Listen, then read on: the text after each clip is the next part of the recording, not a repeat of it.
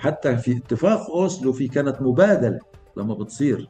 هتتفاجأ أنه محمود درويش قبلوا عودته إلى غزة بتسليم رسمي عبيد أحد العملاء الكبار.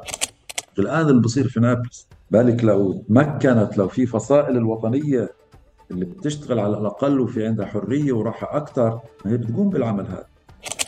ومن السلبيات اللي كانت في الانتفاضة تصير شهادات البراءة. انت دور التنظيم انك تقلل العملاء مش انك فعليا تتفاخر صحيح هذا فشل. عملاء. هو هذا هذا اللي بنخاف نحكيه هذا فشل. انت دورك كمان وقائي. ليش أنا أستعجل وأروح أنفذ حكم إعدام وتحقيقاتي مشكوك فيها؟ في حرب 2008 2009 دخول إلى حي تل الهوى هذه كانت صادمة للمقاومة الفلسطينية. ما كان في جرأة عند الحركة إنها تقول كمان عندنا في ناس لأنه أنت بتطمن الناس أكثر بدك مكاتبك مفتوحة للناس ما تعيشش في برج عاج انت طالما وصلت لحكومة ايا كان. ما تقوليش هذه الايدين المطهره المتوضئه ليش هذا بتسلمه للعائلة؟ عشان ترضي العائلة بالثأر ما أنت بتشجع القبلية والعشائرية حتى لو كانت العائلة تنتمي لحركة حماس. يقروا بطريقة غير مباشرة. لا هو مش تعذيب هو ضرب هو يعني تعنيف. لكن في تعذيب. في أدوات التعذيب موجودة ووسائل التعذيب.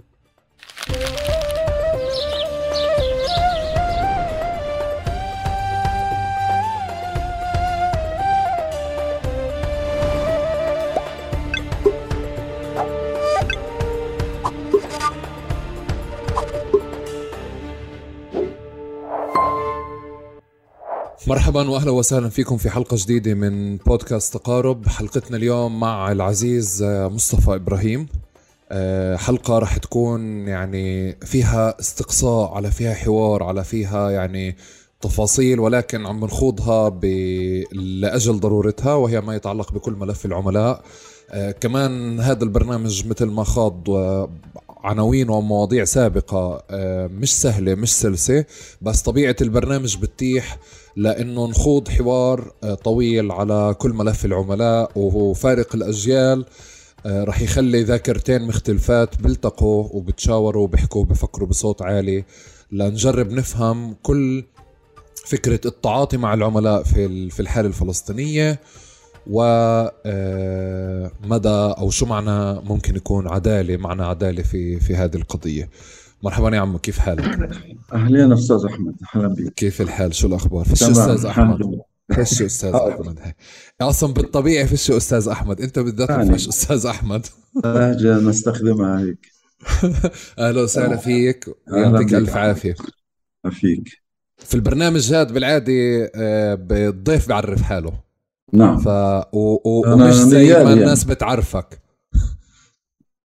كيف التحدي هذا؟ يعني انت بدك تعرف لنا على حالك بكمان زي ما بتحب تعرف على حالك.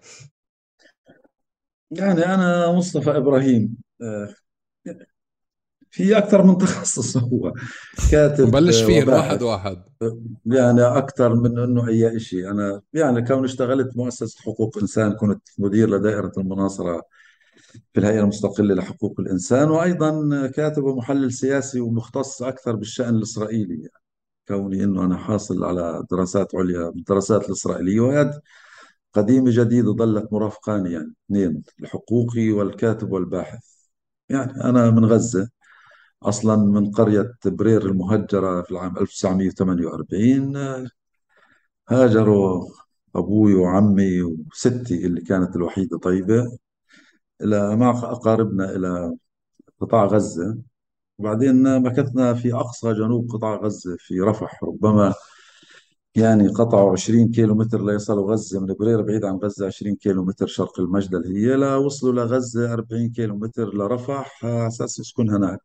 فيعني كبرت وتربيت في مخيم الشغورة في مدينة رفح اللي كان من أكثر المخيمات في الانتفاضة الأولى له سمعة مقاومة الاحتلال الإسرائيلي. وشهدت على كثير من الأحداث اللي كانت في الموضوع آه، الانتفاضة وما بعد الانتفاضة. واللي سبق الانتفاضة الأولى هو تبلور عودة الوعي والعمل الوطني بعد انقطاع بعد آه، تقريبا قلصت الاحتلال الإسرائيلي أو قضى على المقاومة المسلحة في سبعينات القرن الماضي. لما كان أريك شارون هو قائد المنطقة الجنوبية واستطاع أنه يعني يعمل هدم لكثير من شوارع المخيمات وتوسيعها لسهولة دخول القوات الجيش الإسرائيلي للمخيمات فظلت هذه في ذاكرتي على الأقل أنا كنت بشوفها وكنت يعني يمكن موضوع حلقتنا كنا بنسأل دائما كان واحد مدني بيركب مع الجيش الإسرائيلي بنشوفه فبنسأل مين هدول؟ كانوا بيقولوا هذول هم الجواسيس أو العملاء. يعني مع نضجنا الوطني بدأت تتبلور آه، هاي الفكرة إنه كيف إنه أنت يعني في بداية أو نهاية الثانوية العامة كان هذا قبل دخول الجامعة؟ أنا درست بالمناسبة الجامعة الإسلامية في غزة تخصص التاريخ كان. هاي بدأت الحالة الوطنية تترعرع وكانت هناك ما يشبه ما يسمى اللجان الوطنية اللجان العمل التطوعي. بدأت بفكرة العمل التطوعي. العمل الوطني عاد بفكرة العمل التطوعي والعمل ما بين الناس ومساعدتهم في إعادة ترميم بيوتهم في تنظيف الشوارع في مساعدتهم. وبدأت الأشياء هاي كمان بتوعية الشباب وطنيا. كان الموضوع يعني له حساسية لأنه الاحتلال الإسرائيلي كان لسه ضارب أذرعته في في قطاع غزة وفي الضفة الغربية. وكمان كانوا الناس ملتهين بالعمل داخل الخط الأخضر أو داخل إسرائيل وكانت الأوضاع الاقتصادية ربما مريحة. وهذا ما يميز ربما الفلسطينيين بعكس كل الشعوب بثور على الاحتلال أو انتفاضاته لما بكون حاله الأوضاع المادية والاقتصادية كويسة زي ما صار في السبعة وثمانين. يعني أنا بذكر الأوضاع كثير منيحة كانت للناس. وبال2000 كمان. وبال2000 كانت بعد قدوم السلطة 94 ل 99 كانت الحالة الاقتصادية كويسة في قطاع غزة يعني إلى حد ما. صحيح أنه تخلص العمل في إسرائيل وإسرائيل خففت أعداد العمال إلى يعني النصف مما كان أو أقل ما كان قبل قدوم السلطة الوطنية الفلسطينية. هاي المرحلة يعني بدأت ما قبل أوسلو ما قبل السلطة بالعمل الوطني النقاشات السياسية كانت مرحلة مهمة على فكرة يعني وخاصة في الجامعات لأنه كانت الحركة الوطنية نشيطة وقوية وبرغم الخلافات والانقسامات إلا أنه كانت هناك في قدرة على أن تكون النقاشات والسجالات ما بين الفصائل سواء خاصة الوطنية يعني الإسلامية ما كانت ظاهرة ظهور كبير يعني بدأت تتبلور ربما أكثر ظهورا في الانتفاضة الأولى. كانت هناك عبارة عن مجموعات دعوية لبعض الحركات الإسلامية أو يعني عملت في العمل الوطني لكن مش بالشكل اللي كانت أكثر ظهورا سياسيا زي فصائل منظمة التحرير الفلسطينية. وهذا ساعد على فكرة الشباب وجود الجامعات وانتخابات في الجامعات بعزز روح العمل الوطني مش الديمقراطية كمان تعليم الناس الخلاف وزي ما بنقول إحنا في حقوق الإنسان الحق في التجمع السلمي حرية الرأي والتعبير. يعني هذه مفردات ما كنا نعرفها. كنا نعرف إنه هذا عمل وطني كنتوا تمارسوها؟ كنتوا وكنا تمارسوها نمارسها بدون ما تكون مفردات آه، تستخدم. يعني اليوم لكن للأسف أوسلو كسر كثير من هذه الأشياء الوطنية والاجتماعية. ربما أيضا لأنه في مضمون جديد أجى على الناس في قطاع غزة. الناس بالرغم أنه غزة حية وكلها طاقة وهي متقدمة إذا بدنا نحكي على أنه النظرة إلى غزة بالشكل الآخر أنه غزة هاي المكان المغلق المسكر على بعضه المحافظ اللي البنات معظمهم بيطلعوا بمنديل بجلباب لا يعني ال- ال- المستوى المعيشي صح أنه في فقر في لاجئين لكن كان في مستوى من الرقي والحضارة عند الناس في غزة برغم صور هالمكان وضيقه. والعلاقات الاجتماعية كانت أكثر انفتاحا آه، على بعض الناس. وكانت في حالة سياسية وثقافية كثير آه، رائع يعني تدرس. مش لأنه غزة زي ما بسموها هي خزان بشري لدعم الثورة الفلسطينية ودعم مشروع تحرير فلسطين. لا كمان الناس هيك طبيعتهم. طبيعتهم إنه بسطاء بحبوا بعض علاقتهم الاجتماعية منيحة. يعني الناس اللي هاجروا البلدة اللي هاجرت من برير أو من يبنى أو من المجدل سكنوا في حارات مع بعض. هذا عززت الروابط أكثر عززت الروابط بالآخرين صاروا الناس انفتحوا. على بعض. أكثر فغزة كان فيها يعني نوع من ال- ال- ال- ال- الثقافة والعلاقات الاجتماعية السينمات عدد دور السينما في غزة. يعني أنا بذكر في رفح لحالها كان عندنا ثلاث دور سينما وهي رفح أقصى الجنوب ويعني تعتبر بعيدة عن المركز عن المدينة. يعني المدينة في قطاع غزة هي المركز وإحنا المحيط اللي في رفح وفي جباليا وفي المخيمات الوسطى في جباليا والبريج ودير البلح. فكنا بننظر لمدينة غزة إنها هي المكان اللي بشع منه كل شيء. يعني لأنه الثقافة بتعرف دائما المدينة غزة كعاصمة لقطاع غزة. المؤسسات النشاطات المراكز الجمعيات. فهذا كله زاد بالوعي الوطني عند الشباب الفلسطينيين. وكانت العلاقات حتى ما بين الجنسين كمان علاقات قائمة على الاحترام وعلى قبول الآخر بالمعنى دائما الفلسطيني بينتصر للأنثى في أي مكان. إذا شافها مع أنه بيمارس أدوات العنف ووسائل العنف عليها بطرق مختلفة لكن إذا كان في مكان كانت امرأة فيه أو نساء يحتاج إلى مساعدة بتلاقيه هو البطل الموجود. ما أعرفش هي كيف سمة من سمات الفلسطيني. وهذا كنت بشوفه عند السفر مثلا في معبر رفح ومعاناة معبر رفح.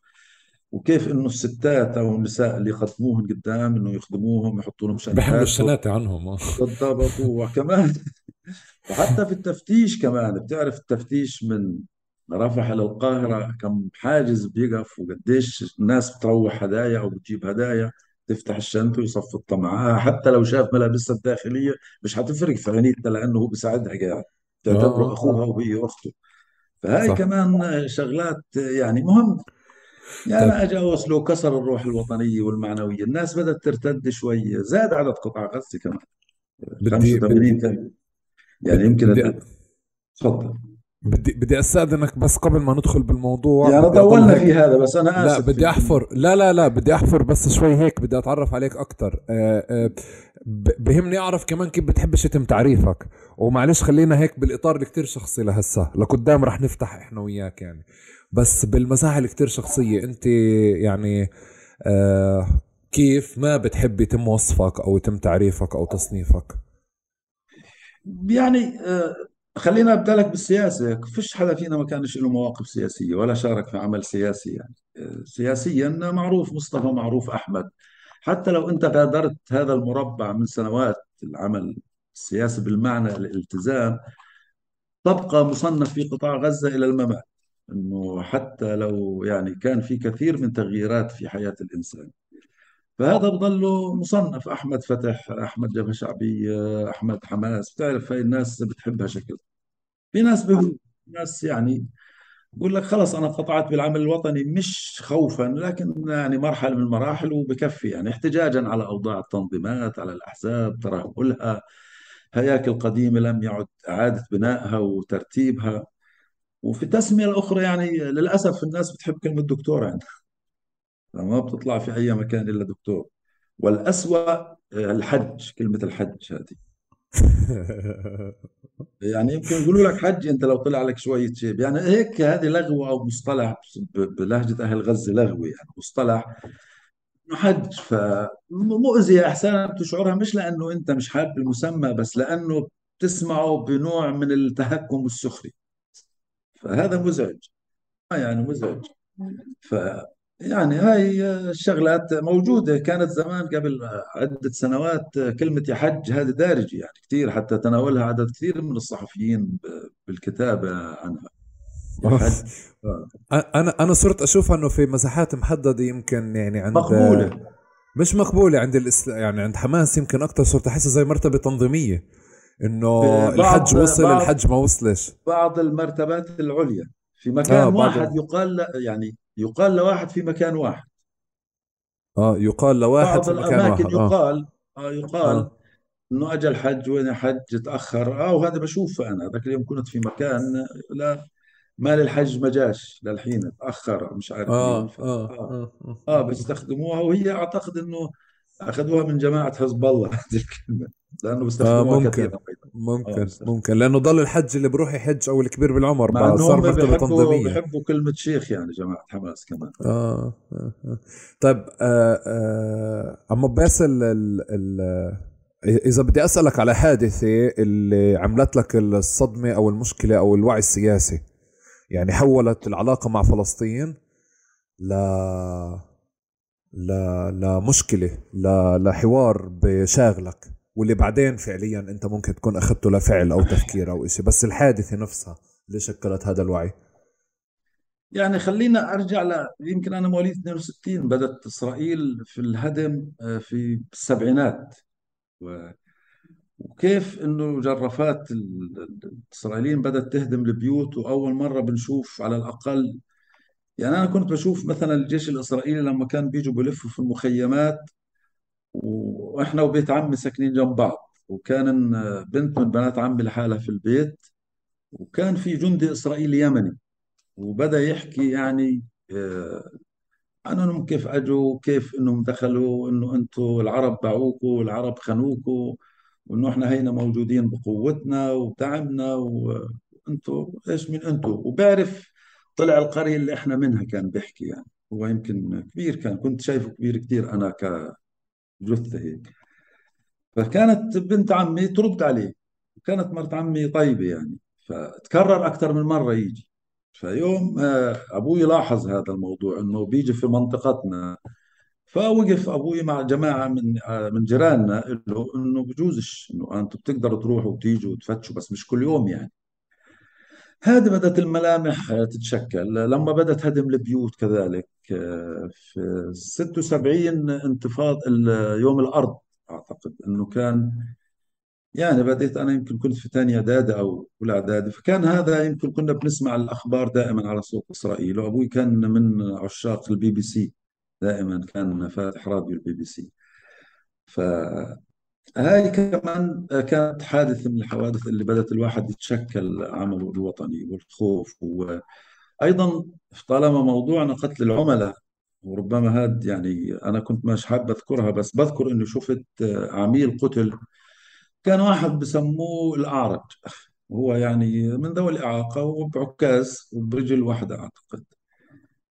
ف قبلها بأسبوع بأسبوعين كان في فدائي معروف من قوات التحرير. كنا بنعرفه كان مدرس. وكان يعني معروف عندنا في الحارة. الحارات أنت بتعرف شوارع ديقة. وفي كنت بنسمع يعني بدت أنا يمكن صار عمري 10 سنين أو 11 سنة استشهد هذا. كانت اللي هي كانت عمليات اغتيال الفدائيين في المخيمات واللي قام فيها في حين وكان بعدها صار لاحقا دقان مائير دقان صار رئيس الموساد.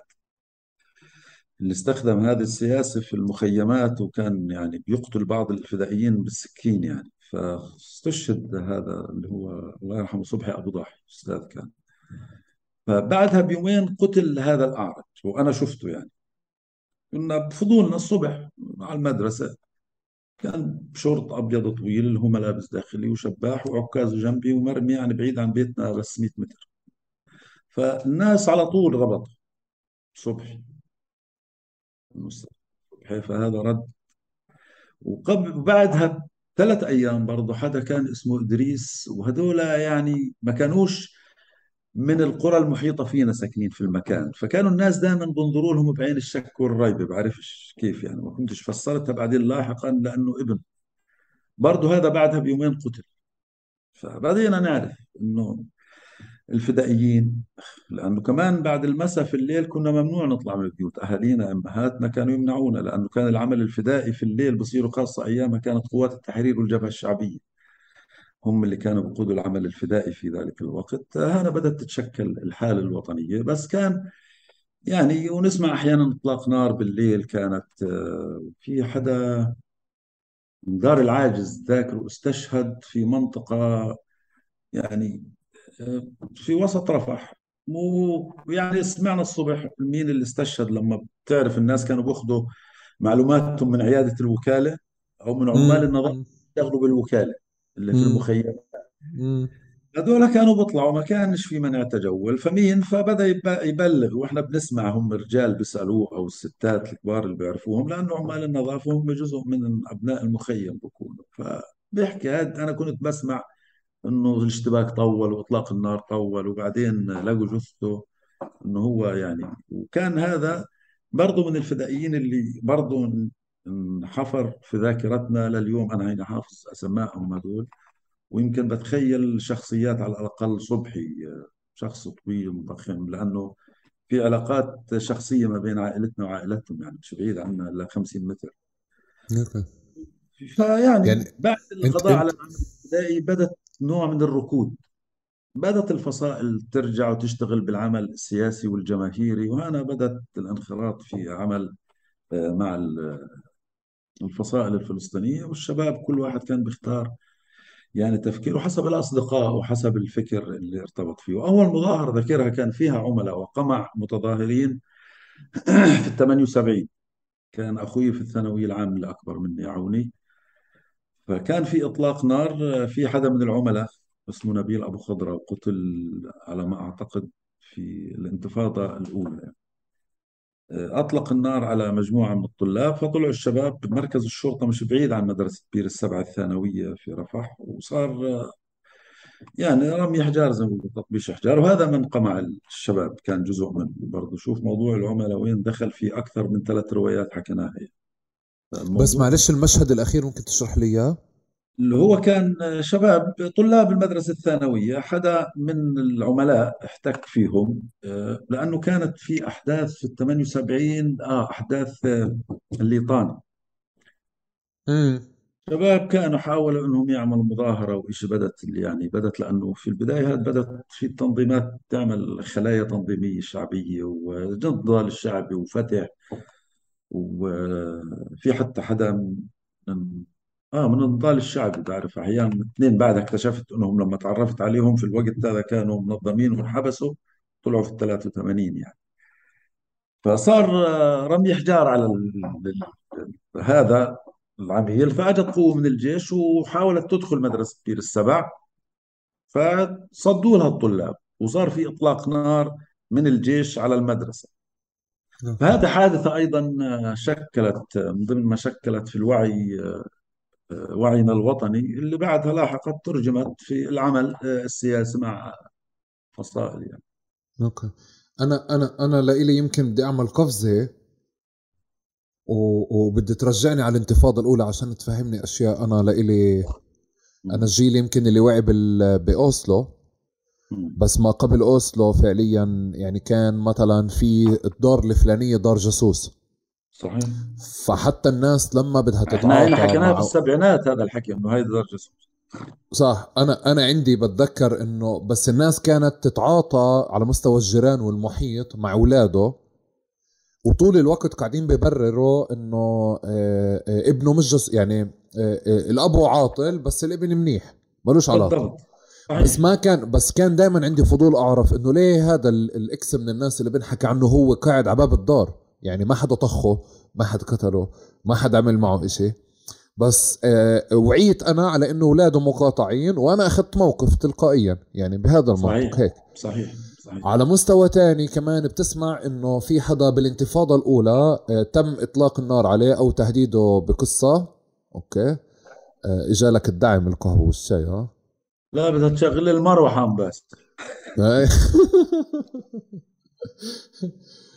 آه، كمان كمان الجانب الثاني إنه في حوادث إنه مثلا كان في حدا آه، انحرق بيته أو انطخ عليه أو أو صار معه حادثه ما.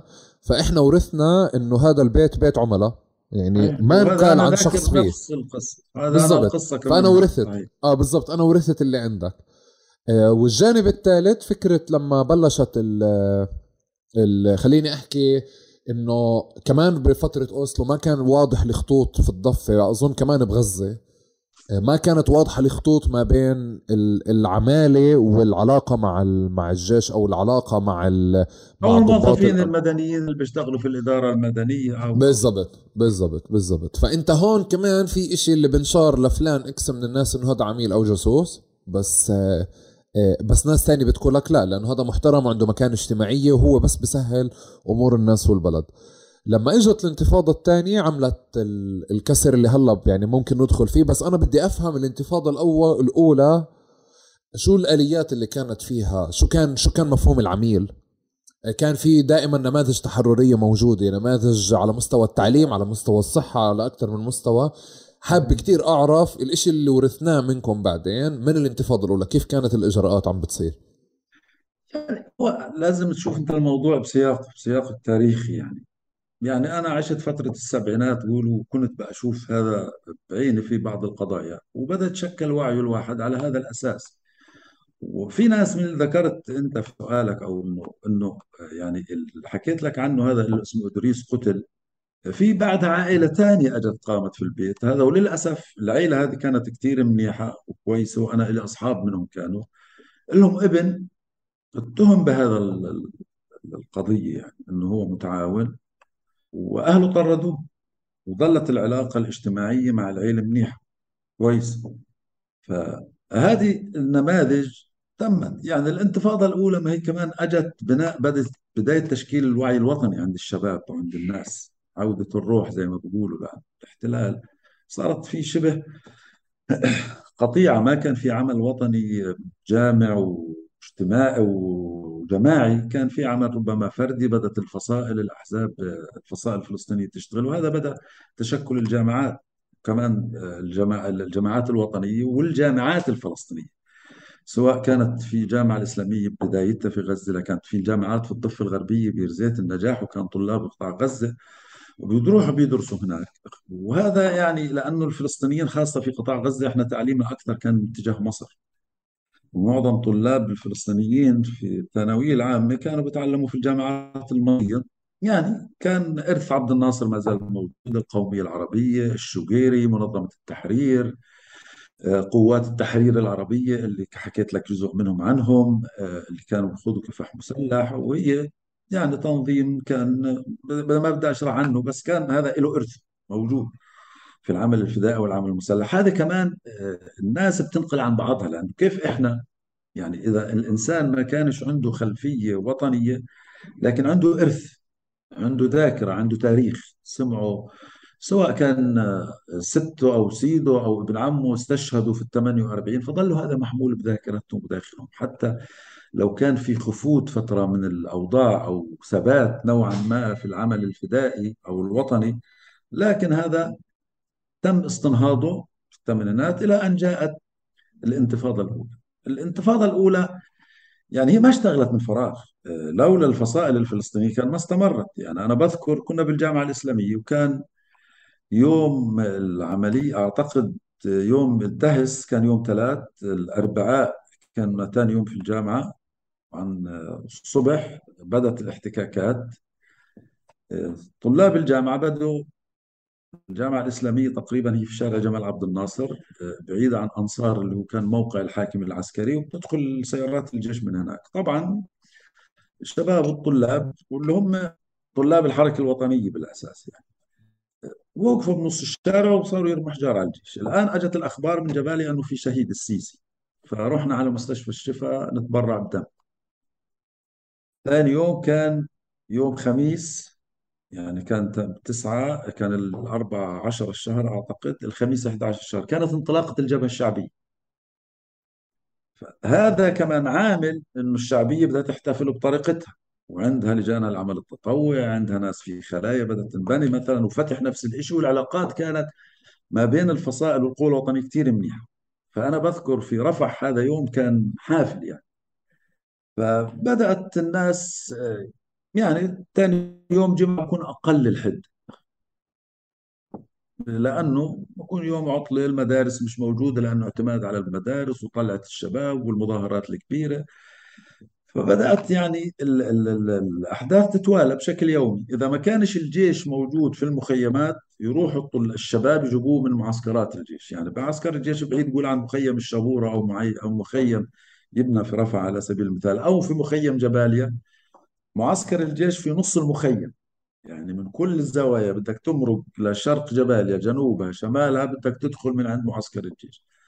فهذا كان يعني هدف دائم ومستمر آه، لأنه الشباب يرموا حجارة فبدت الأحداث تتوارد شوي شوي. بدأ التنظيم شوي شوي. يعني في المظاهرات آه، هم كانوا يشوفوا الشباب إنه فيش حركة. فكانوا بجمعوا بعض وبالليل يا إما بيطلعوا بمسيرات غنائية بنشيد وطني. تحفيز الناس لما كانوا بيشعروا إنه في إشي مش طبيعي وإنه الهدوء هذا مش لازم يلا هاتوا نعملوا لنا إشي. يا إما حدا بيروح يطبش حجار بجر الجيش للمكان. يعني كانت في حماسة الصدر بعد بدأت تتبلور يعني بعد أشهر تشكيل اللجان الشعبية. التنظيمات بعملها المنظم آه، توزيع المنشورات. يعني توزيع المنشورات والأعلام هذه كانت ما قبل الانتفاضة. تخصص يصحى الجيش الإسرائيلي الصبح يشوف الأعلام محطوطة على الأسلاك الكهرباء أو على أماكن فهذه كانت كمان بتصيبهم بقشعريرة كانوا يعني كانت في أحداث قبل الانتفاضة بس مش بالشكل اللي تبلور في الانتفاضة. فبدأت يعني يستخدموا أدوات أخرى الشباب لتوزيع المنشورات سواء آه، استخدام آه، الصبايا أو هم بشكل في الليل بتلثموا أو بحطوه في مكان معين. كل واحد بيجي بياخذ حصته وبيبدأ يوزع فيها. فهذه بدأت الفصائل تنزل بياناتها لحالها كل فصيل. وبدأت يعني آه، زي إعادة ترتيب البيت لا صح الاستمرار الانتفاضة. فكان أنا بقول لك لدور الفصائل دور مهم وكبير جدا لغاية ما وصلوا للقيادة الموحدة يعني. ال- العمل مشترك وبسياسات واحدة وبمواعيد وإعلان الإضرابات وترتيب المضربات. يعني بدأت مع الوقت مجموعات تتشكل كمان من الفصائل أو من الشباب السن صغير بتتفاجأ كنت الآن هم قيادات منهم يمكن. إنه هذول اللي قادوا الانتفاضة الأولى وجزء منهم للأسف كثير استشهدوا لأنه هذول كانوا بيزعلوا الاحتلال بالتطبيش الحجار أو بعمليات أخرى كان الجيش الإسرائيلي بشك أنه بيعملوها وبنفذها. يعني ما كان عمل مسلح بس على الأقل آه، عمل شعبي يرقى أحيانا ب- بالمولوتوف بالحجر بالكذا. وهدول الشباب كانوا يعني بوزعوا حالهم مجموعات. في كل حارة بتلاقي خمسة كل واحد ماسك شارع ضيق ما أنت بتعرف الأزقة مم، كيف. واحد موجود عليها. يعني بدل الجيش الإسرائيلي يصطادهم واحد واحد. لأنه كانت في الس- السيارات الجب الصغيرة بنسميها الصرصور إحنا كنا في غزة. فكان بيصطادهم واحد واحد. هذول كانت عندهم جرأة فوق الخيال يعني انتحاري بحجر. يعني إنه تلاقيه ممكن يقف في نص الشارع لتجب الجيش أو للجنود. أو أحيانا كانت في بتصير اشتباكات بالإيدين بين الجنود إذا اللي بترجلوا من السيارات وبيلحقوا الشباب. يعني أنا بذكر على الأقل في رفح ستة هذول كانوا من الناس الانتحاريين اللي استهدفهم الجيش الإسرائيلي وقتلوا. ومن بعدهم بعد ذلك للأسف يعني راحوا للعمل المسلح بطريقة عشوائية وباتجاه قتل العملاء. يعني ما كان في عمل مسلح باتجاه الجيش الإسرائيلي. يعني وهذه بدت ظاهرة ربما أيضا كانت سبب من أسباب أنه الانتفاضة تأخذ منحى ثاني وآخر يعني تخرج عن شعبيتها لأنه بدأت في بعض الفصائل أيضا تستغل هذا الموضوع من ناحية مالية. بعض الفصائل كانوا بيجوا يشتكوا عناصرها وأعضائها. أنه التنظيم الفلاني بيعطي مصاري لأولاده. فهذه كمان بدأت في هو تحصل. لكن يعني هو تنظيم آه، ال- الانتفاضة شعبية صحيح كانت جمهور يعني جماهير الشعبية بتطلع في إرادة عند الفلسطينيين تتحدى الجيش الإسرائيلي. كانت آمالهم وطموحاتهم كبيرة بدت في وسائل الاختباء آه، وسائل الهروب من بيت لبيت. الناس بتفتح في بيوتها مداخل ومخارج لأنه لما بده يشردوا الشباب ويلحقهم الجيش أنه يمرق في بيته ليصل لبيتك في مزارب أخرى للهروب من الجيش الإسرائيلي. وبدأت تتنظم والفصائل كان لها دور كبير بصراحة في تحشيد الناس وفي تحشيد عناصرها اللي هم جزء من الناس اللي هم يشتغلوا بين الناس توعيتهم سواء بالمنشورات اللي بيطلعوا فيها الناس أول بأول. أنا بذكر يوم استشهاد أو جهاد يعني أو جهاد استشهد في 16 4 كان يعني بداية ربيع لكن الجو خريف وكان شتاء. وأنا أجى صديقي صحاني من النوم بقول له أبو جهاد استشهد. فيعني فكانت بدر الدنيا الساعة 6 الصبح. هذا كان يوم فارق الصراحة. يعني ما بتعرف اللي بحب فتح أو بحبش حماس أو بحب يعني حماس الساعة آه كانت جديد بيانها نازل في شهر 12 بس كانت الفصائل الوطنية أكثر نشاطا وحركة في البداية. بعدين بدأت حماس تشتغل والجهاد. الجهاد طبعا بتنسب إنه بشائر الانتفاضة كانت في ال 86 أو حتى كان لها مختلف في الاضراب 8 الشهر مش 9 مش 9 12 كان كل 9 12 من كل شهر كان يوم إضراب شامل. وهذا أحيانا كانت تسبب بعض الإرباكات. لكن أنا بذكر على الأقل يوم أبو جهاد كيف كان كل تنظيم يشتغل شغله وفي اللحظة نفسها الإشي الشعبي اللي الناس طلعت. أبو جهاد رمزيته كبيرة جدا واحترامه للناس وإنسان يعني كانت له ما زالت أنه يخلدون الناس فكانت مظاهرات عنيفة جدا. أنا في هذاك اليوم يعني بذكر ليش كمان في صديقي اللي هذا صديق الطفولة اللي أنا وياه أبوه مرض الساعة 10 الحق أبوك فش اللي أنا وياه. فيش في مستشفى في رفح كان في مستشفى كان لازم تروح على خان يونس تقطع 10 كيلو أو 8 كيلو عشان نروح على المستشفى. والعيادات ما بتستقبل وما بنقدر نصل المنطقة الشرقية الشرقية لرفح لأنه الجيش الإسرائيلي موجود هناك وصعب. واثنين شباب صغار يعني. طبعا واخذ سيارتهم عندهم سيارة كانت واخذناها على خان يونس. في الطريق إلى قديش تشوف حواجز اللي تقعد الطريق ثمان دقائق قعدنا ساعة ونص.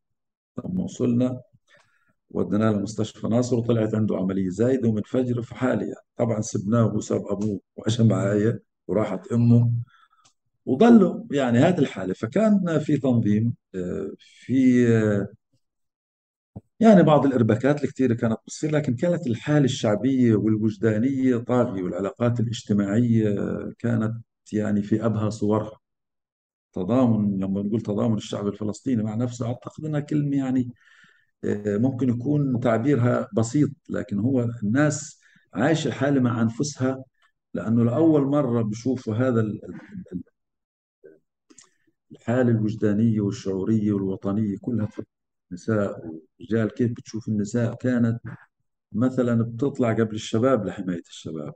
يعني أنا بذكر حالة قبل له هي كوثر كمان شاهدوا من الناس اللي هذا في 86 أجوا في شاب جارنا كان واحد الفصائل كان آف. يعني بالبداية اللي حكيت لك عنها بالأول تطبيش الحجار وجيب الجيش للمخيم وكذا فحاولوا يدخلوا. كانت أمي وأمها وأم نساء المخيم أكل انكتل طبعا عشان يطلعوا عنه كوثر يمكن قعدت ثلاث أربع أيام تعبانة.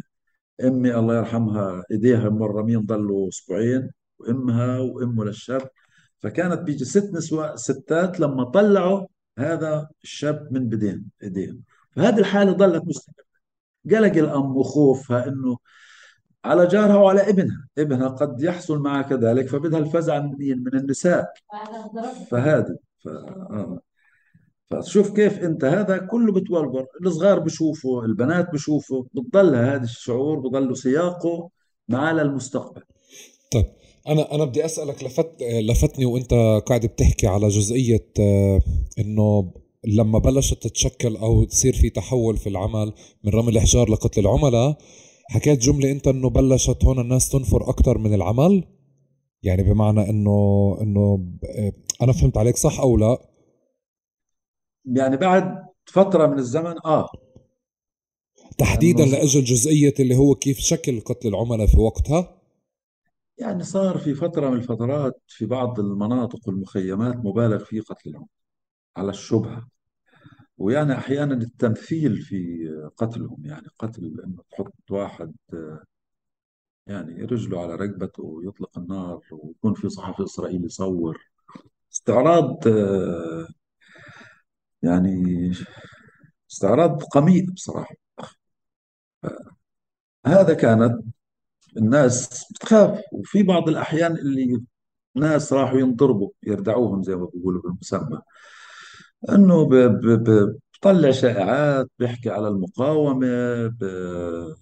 يعني في قضايا لا أخلاقية ضده بحشش زي ما بيقولوا أو بتعاطى المخدرات. فواحد قتل فيه مات.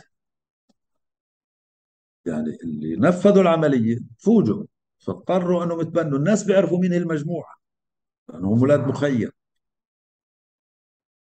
فهذه شوف آثارها على اللي راحوا ينفذوا العملية وأثارها على الضحية المقتول يعني. هذه بدت يعني بعض المظاهر ربما هذه صارت أكثر في 89 وفي التسعين أكثر يعني في التسعين يعني بدت هذه المظاهر أكثر وخاصة أنه كان في صار سلاح نارمة في ايدين الشباب يعني. قبل ما كنت بتشوف قطعة واحدة في رفح أو في الشعورة أو في غزة أو في جباليا أو تنتين واللي معاه قطعة بعض الفصائل يعني محرم استخدامها إلا في الحج زي ما بقول. فبعدين بدأت هذه الظاهرة وأنه استخدامها وبدأت ظاهرة المطاردة أيضا. تقتل عملاء وبتطارد للجيش الإسرائيلي والخروج إلى ليبيا وصد. يعني أعداد كبيرة شباب لا أقلل من قيمتهم وعملهم الوطني لكن صارت حالة لا شعورية أنه هو كأنه بقتل العميل وكأنه يقتل جندي إسرائيلي. يعني مش قادرين يصلوا لجنود إسرائيلي. لأنها بدها تخطيط وبدها وبدها عمل حزبي. فهي أشياء يعني لاحقا بدأت تتكشف. يعني اللي زينا بيعرفوا تفاصيل كتير في هذا الموضوع يمكن بنحكى بس ما انكتبش فيه كتير. أما إنه آه إنه ظاهرة اللجان الشعبية مثلا. كانت تعمل على مساعدة الناس في منع التجول آه، المعونات ال- اللي كانت بتصير بقدموا للناس مواد غذائية في منع التجول. بعدين كانت صارت في قرارات تتخذ بمنع العمل في إسرائيل. 89 آه، إسرائيل آه، فرضت حاجة اللي هو البطاقة الممغنطة. وقبلها في ال- برضه نفس السنة آه، أجبرت كل سكان قطاع غزة على تجديد بطاقاتهم الهوية. ورتبت أيام لكل واحد كل مدينة أو مخيم حسب عندنا المخيمات مصنفة بلوكات A B C E. بالشكل هذا ملوخ يعني مخيم الشبورة في E وفي B وفي مش عارف مين مخيم آه، كذا فهذه المسميات. بعدها البطاقة الممغنطة القيادة الموحدة أصدرت قرار بجمع البطاقات الممغنطة. من الناس لأنه بدون بطاقة ممغنط بتقدرش تعمل في إسرائيل؟ بتقدرش تروح. بعض الفصائل يعني كانت متشددة وكانت بتجمع بروحوا مجموعة من الملثمين بيجوا على بيت مصطفى أنت بتشتغل في إسرائيل هات بطاقتك الممغنط فلان هات بطاقتك الممغنط بيجمعوها بأكياس وبحطوها في بخبوها في مكان. كانت في إشي إيجابي إنهم اللي عنده مصلحة اللي مريض اللي ضايل له فلوس عند معلم الإسرائيلي بده يروح يجيبها اللي عنده شغل لأنه في ناس كانت بيأخذوا مقاولات. هنا بدأت تدخل المصالح. بدأ يدخل الاستغلال. إنه يعني بطاقة ومش عارف مين وبدنا نكمل شغلنا. ففي مقابل يعني بعد فترة اكتشفت الفصائل الفلسطينية إنه غير مجدي وإنه هذا يعني أساء. وما كانش في بناء على قرار صلب إنك أنت تعزز صمود الناس مكنهم ببديل عن العمل بإسرائيل لأنه سوق العمل الوحيد المفتوح للناس هو إسرائيل لأنه الانتفاضة بدأت تطول وبدأت الناس تزهق. إنه العمل ما توقفش يعني حتى البطاقات الممغنطة كانت في وسائل أخرى للهروب وعدم تسليمها. جزء منهم يبياتوا في إسرائيل فيعني كانت خطوة غير مدروسة جيدا وهذه سببت بعض الظواهر الاجتماعية السيئة. عشان هيك في الناس بدأت تنفق عشان هيك في صار قتل عملاء على خلفية المصالح على الابتزاز. بس ما كانت ظاهرة بمعنى ظاهرة كبيرة لكن أصبحت مسيئة. أوكي في في كمان نقطة اللي هي ما يتعلق بالجانب الأخلاقي اللي كمان آه كمان هذه يعني ورثنا جانب منها. بمعنى مثلا الحشاش جاسوس. نعم هاي لليوم صحيح موجودة اليوم الفصائل لها هذه للأسف إنه الحس- الحشاد جاسوس. لأنه هذا يعني التص... الإسقاط الأمني يبدأ بالأعمال الأخلاقية والمخله بالاداب والعلاقات الغير مشروعة مثلا. بالحشيش بالشرب ال- ال- المياه ال- ال- الكحول. فهذه كلها مداخل كانت تعتقد الفصائل و- والحركة الوطنية إنها مدخل للإسقاط وللابتزاز. إنه العمل الحب كان ممنوع لأنه بقول لك هذا يعني مش معنى ممنوع الحب ممنوع العلاقات لأنه في كانت بعض ال- النساء معروفات. أنت إيش بوديك عليها مثلا؟ في كانت وهذه كانت ربما منهن تم ربطهن. على هذا الأساس بدأت هذه الظاهرة إنه ممنوع يكون هناك علاقات نسائية مثلا في بعض الحالات بمعنى لأنه مقدمة للسقوط الأخلاقي اللي بده يحب بده يكون عارف مين اللي بحبها وربما التنظيم يعرف مين اللي بحب آه أساس إنه يعني ربما بس يعني أنت لما انت لما بتحكي معلش بالإشارة لفكرة إنه في وحدة اللي معروفة بكذا مثلا يعني آه آه يا- ولا يعني ولا بتحكي على مستوى عام. ولا بتحكي على مستوى عام؟ غير قضيه الأ... في بعض المناطق كانت بعض الناس معروفين بس حتى يعني ال- العلاقات الأخلاقية تصنف بالعلاقات النسوية تصنف بالمخدرات تصنف بالكحول مع إنه في أماكن كانت في قطاع غزة بتنباع فيها البيرة معروفة وفي رفح منها في خان يونس في أكثر من مكان. المواد ال ال ال ال ال ال ال الويسكي والخمور كانت تباع في محلات في قطاع غزة في زمن الاحتلال الإسرائيلي. وفي ناس كانوا بيشربوا عادي يعني ما بتفرق معاهم. فهذه كانت ربما من المداخل اللي كانت تعتبرها الحركة الوطنية هي للإسقاط الأمني. وفي بالفعل صارت. في في بعض الحالات تم إسقاط عدد من الشباب من هذا المدخل. مدخل النساء مدخل الحشيش لأنه إذا ما بيشتغل بده يحشش بده يجيب من وين بده مصاري؟ وقد يتم استغلاله من هذا يعني الابتزاز الجنسي الابتزاز المالي هذه هي وسائل من وسائل الضغط اللي بتستخدمها كانت الأجهزة الأمنية الإسرائيلية وما زالت ضد صح. بعض الشباب وبعض النساء. وبتستغلها بشكل عكسي فعليا غير بجانب إنه هو بده مصاري بالعادة بينحكى عنها إنه بده مصاري ف... طبعا فالمصاري من وين بدك إياها؟ بدي اعطيك عشان تشتري حشيش ولا مشروب ولا كذا. بس بمكان تاني كمان هي الابتزاز من منطق إنه آه، بنحكي عنك إنك بتحشش بنحكي عنك بالضبط ما إنك بتشرب بنحكي عنك إنك مصاحب أو عندك أيوة. علاقة مع فلان آه كذا. وبتعرف ف المجتمع محافظ بنظر للأشياء هاي بالريبة والشك وانها عيب وحرام والدين والناس مش متعودين عليها مع إنه يعني الحشيش بعض الناس بنظروا له إنه لا يعني عادي ومرخص عالميا بس زمان ما كانوا بيعرفوا هذا الشيء الناس إنه الحشيش حشيش لأنه أنت بتعرف الحشاش أو اللي بحشش يعني مسطول دائما ما بيقدر يفكر لأنه بيصل لحاله من الإدمان. وبعدها بدأت تدخل المواد الأخرى الهيروين والكوكايين والحبوب المخدرة. فهذه كانت أخطر يعني على قد الحشيش كانت أحيانا ما يعني يسامح. في في في شغلة بدي أقول لك فيها التناقض عندنا كيف؟ أنا بذكر حالة حدا من أحد الشباب اللي بيشتغلوا في أحد المجموعات حدا من زمايله أخوهم يعني نسيبه أخته قالت له إنه زوجه بضرب فراحوا حكوا معاه مجموعته إنه بصير شو عيب ومش عنا. لا يجوز يعني. كيف تضرب زوجتك وأنت بتقول عن حالك مناضل ومقاوم و... فما سمعش مرة مرتين راحوا ضربوه. مجموعته اللي هو بيشتغل معهم فيها ضربوه فشوف يعني كيف الانتصار للمرأة ولقضيتها حتى لو بطريقة عنيفة لأنه في الآخر عيب. العيب اللي يضرب والعيب إنه يضرب زوجته فاهمني كيف؟ يعني لما. عجزوا هي الوسيلة الأسهل. صح. بال بال بال بالنقاش هو هذا يمكن واحد من الأسئلة اللي دائما كان كان يعني يدور في راسي.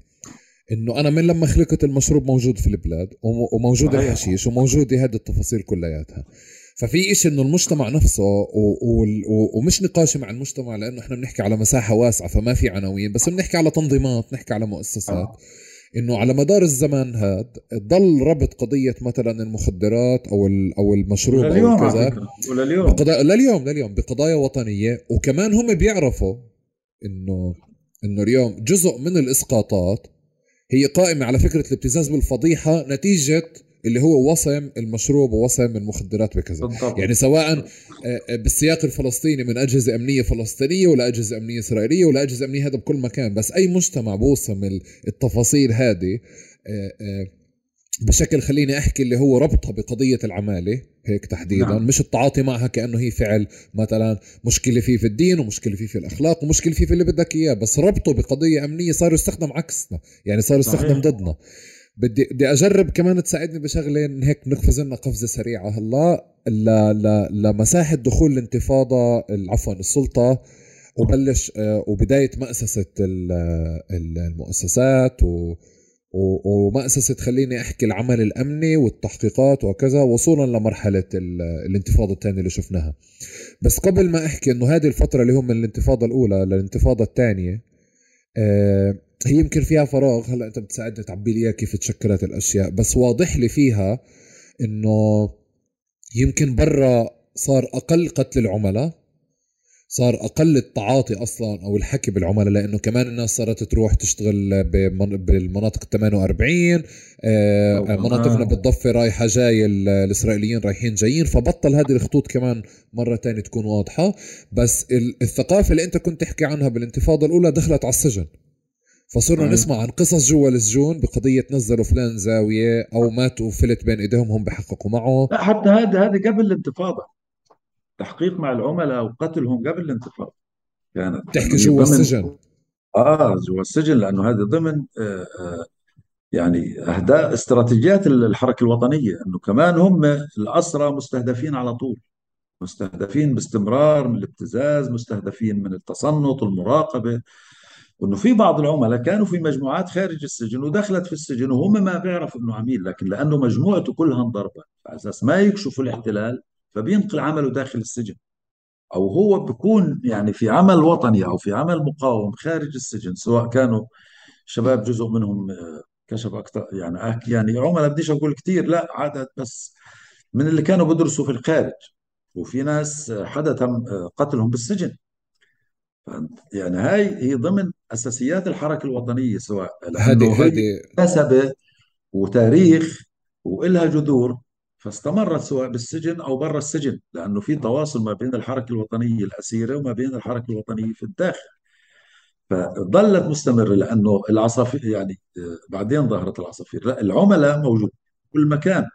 وهي دائما الحركة الوطنية عندها هاجس وربما بعض الأسرى أصابهم هوس أمني من هذا الموضوع لأنه في حاله معزول وأسير وكذا وفي ناس اصيبوا باضطرابات نفسية وانعزلوا عن المكان. فلا كانوا بيجروا تحقيقات وفي بعض الأحيان في الانتفاضة الثانية في النقب كان موضوع مؤذي جدا جدا جدا. بالثانية الحركة الوطنية آه. يعني الحركة الأسيرة كانت قبل الانتفاضة الثانية وقبل آه، آه، كانت في سجون مركزية معروفه والمجموعات الفدائية اللي كان يتم اعتقالها معروف ومعروفين مين هم ومع ذلك دائما يخضعوا إلى الرقابة ويخضعوا إلى المساءلة بطريقة أو بأخرى. ويعني أحمد ومصطفى معروف تاريخهم مع بعض. يجي كمان واحد ثالث أو كذا وفي آه، آه، خيوط مفقودة فبده يتم البحث فيها. ليش انضربت الخلية؟ ليش انضربت المجموعة؟ فهنا صح. بصير في السجن. صح. كان ناس يبالغوا في ناس كان عندهم قدرة. مع الوقت بدأت الحركة الأسيرة تكتسب أكثر آه، وعيا وأكثر قوة وأكثر صلابة. وكانت تأخذ الموضوع بأكثر يعني مش بساطة بأكثر حكمة. لأنه إذا أنت لما مردوان كامل في النقب يخضع لتحقيق أو أنت تكون نايم على برش وجنبك واحد في الخيمة بتحقق معاه إيش شعورهم الأطفال كانوا بيعتقلوا في الانتفاضة الأولى أطفال 16 سنة و15 سنة وهو نايم في خيمة وفجأة يسكروا الخيمة على كل اللي فيها. ويتم التحقيق معه واضرب وبوكسات ومش عارف مين وأهات و... فكانت مؤذية مؤذية جدا. وهذه اللي بدفعنا إنه التحقيق والاتهام والشبهة بالتعاون والعمالة في دائما له نوع من الضحك إنه يعني مكان التحقيق مش مهيأ المحققين مش مهيئين. بيمتلكوا بس الخبرة الوطنية بيمتلكوش غيرها. وبالدراسة كتاب فلسفة المواجهة. وكيف العملاء ومش عارف مين وغيرها من إذا قري له مثلا لتشيكوف آه، أعواد المشانق أو حاجة والتعذيب. فهذه بنت وعيهم عليه لكن في ناس يعني ليس ليس تقليل منهم بالعكس عندهم آه، قدرات عالية حكمة وخبرة وعلم. ومع ذلك كانت بتصير. بس في ناس كمان الإعدام العملاء كان داخل السجون. وربما حتى الآن يعني ما سمعنا بس على الأقل لأنه ظروف الحركة الأسيرة لم تعد كما السابق. يعني يمكن هذا موضوع ثاني أنا أنا أنا أنا بدي بدي تسمح لي يعني برا وجوا خلينا بنقول موجود بدي بدي تسمح لي ب... ب... أنا أنا أنا بس عشان نشخص. ونحكي على الإشي بشكل نقدي أكثر نعم. في في ظاهرة في مجتمعنا موجودة إحنا موجودين تحت حرب بالتأكيد رح يكون في أعوان للاحتلال في علاقة طبعا اقتصادية مع الاحتلال وعلاقات كذا. ففي ظاهرة موجودة أنا بالنسبة لي مش شايف انه يعني هي ليست غريبة أنا بظرف عم بعيش بظرف مواجهة وحرب بالطبيعي سيكون هنالك عملاء. أنا أنا بدي أجرب أكمل بالنقاش بكل الآليات آه، الآثار الاجتماعية والنقاشات المجتمعية تحديدا اللي تطورت وصولا للحالة اللي صارت قبل فترة قليلة يعني اللي حكينا عنها قبل التحضير بس هلا ممكن ندخل بالتفاصيل لقدام. بقضية إنه كيف صار في انعكاسات بمعنى لما ما كان في آليات خلال الانتفاضة الأولى اليات جيدة للمحاسبة أو خليني أقول إنه كمان داخل السجون داخل الحركة الاسيره كانت بتقوم برقابة داخلية وبتحقيقات وبتطور أدواتها ولكن أثر القتل الخاطئ أو أثر إنه في حدا سقط خلال التحقيق كانت بتنعكس برا فبضطر الشيخ الفلاني بدفع دية أيوة. فلان لفلان عشان يسكر الملف. فالقصد إنه بدي أجرب هلأ آه، آه، يعني نحكي على إحنا مشكلتنا مع مع مع التعاطي مع هذا الأمر. وتصورات كيف الحركة الوطنية طول الوقت عم بتطور نقاشاتها والمؤسسات عم بتطور نقاشاتها لتخلي ال- التعاطي مع هذا العمل أكثر عدالة بهذا المنطق يعني. هيك بدي أجرب. بدي أدخل أنا بال بما قبل الانتفاضة الثانية. يمكن الصورة اللي وصلتنا لما بلشت الانتفاضة الثانية وصار قتل العملاء بنابلس أظن آه يمكن آه أظن أذكر بنابلس اللي هم حطوا ثلاثة أو أربع شباب والأجهزة الأمنية قتلتهم. فصار في حينها نقاش على مستوى فلسطين بأنه آه أبو عمار كسر. يعني صار صار نقاش على مستوى فلسطين إنه أبو عمار كسر آه كسر اللي هو قضية أمر الإعدام والآن الأوروبيين رح رح يعملوا قصة أو الأجانب رح يعملوا قصة عليه. وزي زي بحينها حسب ما أذكر استعاد الشرعية الثورية اللي الناس اعتادت على منظمة التحرير والأجهزة الأمنية مشروعية وليست الشرعية زي ما عفوا المشروعية.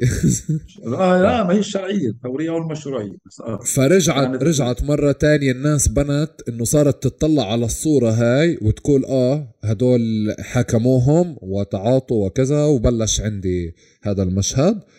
آه و وقبلها أنا بظن إنه عشان نوصل لهذه المرحلة كان في نقاش على مستوى المؤسسات على مستوى القضاء على مستوى الكذا. ممكن تحطني هون بصورة التطور اللي صار وصلنا للانتفاضة الثانية ما قبل هذا أنا بدي أقول يعني أس... يعني هو الموضوع سياق واحد. أولا حالة الاشتباك معنا مع الاحتلال الإسرائيلي مستمر ولن تتوقف. في البداية عمال إسرائيل المرضى اللي كانوا بيروحوا بيجوا هذا اشتباك يومي مع الاحتلال. وكان الاحتلال قادر على أنه يسقط أي حدا. بالطرق والأدوات والآليات اللي بيستخدمها الشباك أو الموساد أو الجيش الإسرائيلي أو حتى الإدارة المدنية لما كانت في قطاع غزة ما هذا اشتباك يومي. أنا خدماتي باخذها من الإدارة المدنية شهادة ميلادي وهويتي وكل هاي الشغلات حتى تصريح العمل أو تصريح السفر. هذا اشتباك لم يتوقف. توقف ربما في قطاع غزة في فترة ما لكن في أدوات ثانية استخدمتها السلطات الاحتلال الإسرائيلي. موضوع العملاء للأسف لم يكن هناك ولا مرة نقاش عام وسجال عام وطني مكشوف. كان ردود فعل على حوادث بتصير وخلينا لما قلت لك إنه في البداية حديثنا إنه بدت بعض العائلات إنه آه، قتل بعض أفراد الشباب اللي آه، كانوا في المقاومة وقتلوا بعض العملاء وقتلوا هؤلاء أو استشهدوا على يد عائلات العملاء يعني أيامها الحديث كان للأسف ربما جزء كنا بنقول إنه يجب إنه تشيل هذا الموضوع الفصائل منظمه التحرير والسلطة. الفصائل بمعنى إنه هي جزء من مركبات ما يسمى النظام السياسي الفلسطيني، جزء من الحركة الوطنية الفلسطينية وهي اللي بدأت هذا المشروع وهذا سياقه تاريخي موضوع العملاء والناس متقبلينه، آه في غضب بكون من عائلات العملاء لكن الناس متقبلينه قتل العميل هو قتل اسرائيلي بالنسبة لهم لأنه هو تعرف موروثنا وهو يؤثر وهي ظاهرة خطيرة جدا. كثير من الشهداء اللي سقطوا من وراء هذول يعني ناس وما زالوا الخطر قائم على أي واحد فينا أنا وأنت حتى يعني اللي ما لنا علاقة بالعمل المقاوم الفعلي بالحقيقي إنه كمان مستهدفين كوني أنا فلسطيني مستهدف كونك أنت فلسطيني مستهدف بطريقة أو بأخرى إنه أنا بتلقى التضليل الكذب التشويه كي الوعي كل هذا بنشوف. فالسلطة خلينا سالتني قبل سؤال أنت كيف تعاملت السلطه السلطة مع أجهزتها الأمنية بدأت تتعامل مع العملاء كانت في حزم كان. موضوع العملاء في ناس تم تم اعتقالهم والتحقيق معهم صحيح كان في تحقيق عنيف كانت في إجراءات عدالة لكن على الأقل صار الموضوع منظم. مش زي قبل يعني.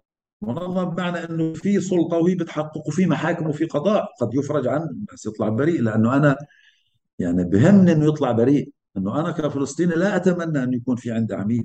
لما المحكمة بتبرر بكون هذا إنجاز إنه هذا لم يسقط ولم تتأثر عائلته ولا يؤثر ما أثرش على المجتمع الفلسطيني. لكن في كانت بعض التجاوزات بتصير يعني وما كان العمل بشكل حقيقي. حتى في اتفاق أوسلو في كانت مبادلة. لما بتصير هتتفاجأ إنه محمود درويش قبلوا عودته إلى غزة بتسليم رسم عبيد أحد العملاء الكبار اللي كانت حاجة اسمها الفهد آه، مجموعات رفيق السالمي في قبل الانتفاضة الأولى كان قتل العملاء. وهذا كان ضمن المجموعة ضمن المجموعة بيشتغل وكانوا شاكين فيه وظلوا مشكين فيه وفي النقب وأنا بعرف من الناس اصدقائي اللي كانوا بيعرفوا قضيته وأنا بعرفه مش شخص بعرفه بالشكل المعروف فيه يعني. واشتغل لما أجت السلطة في جهاز الاستخبارات العامة وكان ضابط كبير. الآن هذا في شباب فتح كانت عندهم القناعات 200% إنه هذا عميل. لكن مع قدوم السلطة وعدم الإثبات وهو كان مجرم يعني عرف إنه كانوا في ناس بيراقبوه بلاحظوه أحيانا فهددهم. لما أجت السلطة تأكدوا أنه هو عميل فاعتقل وتم التحقيق مع العمال واعترف بالشكوك اللي كانوا مش قادرين يثبتوها قبل. بعض الشباب اللي كانوا بيقولوا إنه في واحد اثنين ثلاثة أربعة اللي ما كانوا يثبتوها. أفرج عنه بادلة إسرائيل محمود درويش. يعني السماح لمحمود درويش بقدوم إلى فلسطين مقابل رسم عبيد هذا العميل الكبير الخطير وموجود الآن. أعتقد أنه في إحدى المدن الإسرائيلية يعني. وغيره من العملاء تم تسليمهم كمان. في السلطة في أوسلو لأنه كمان في بند واضح في أوسلو على المتعاونين. عدم المساس بهم اللي بتم القبض عليهم. اللي كانت إسرائيل بدها إياهم بتاخذهم اللي بسموه العميل اللي يعني صار مالوش قيمة ينحكم وينعدم. طز مع السلامة يعني. انتهت مهمته لأنه كان مهمات محددة له. فالسلطة اشتغلت. كانت في تجاوزات لكن كان في قانون وفي نظام. أجت الانتفاضة الثانية بدأت تنهار مؤسسات السلطة. بمعنى إنه ضعفت انضربت مقراتهم ضباط الأجهزة الأمنية في جزء منهم اشتغلوا في في في المقاومة.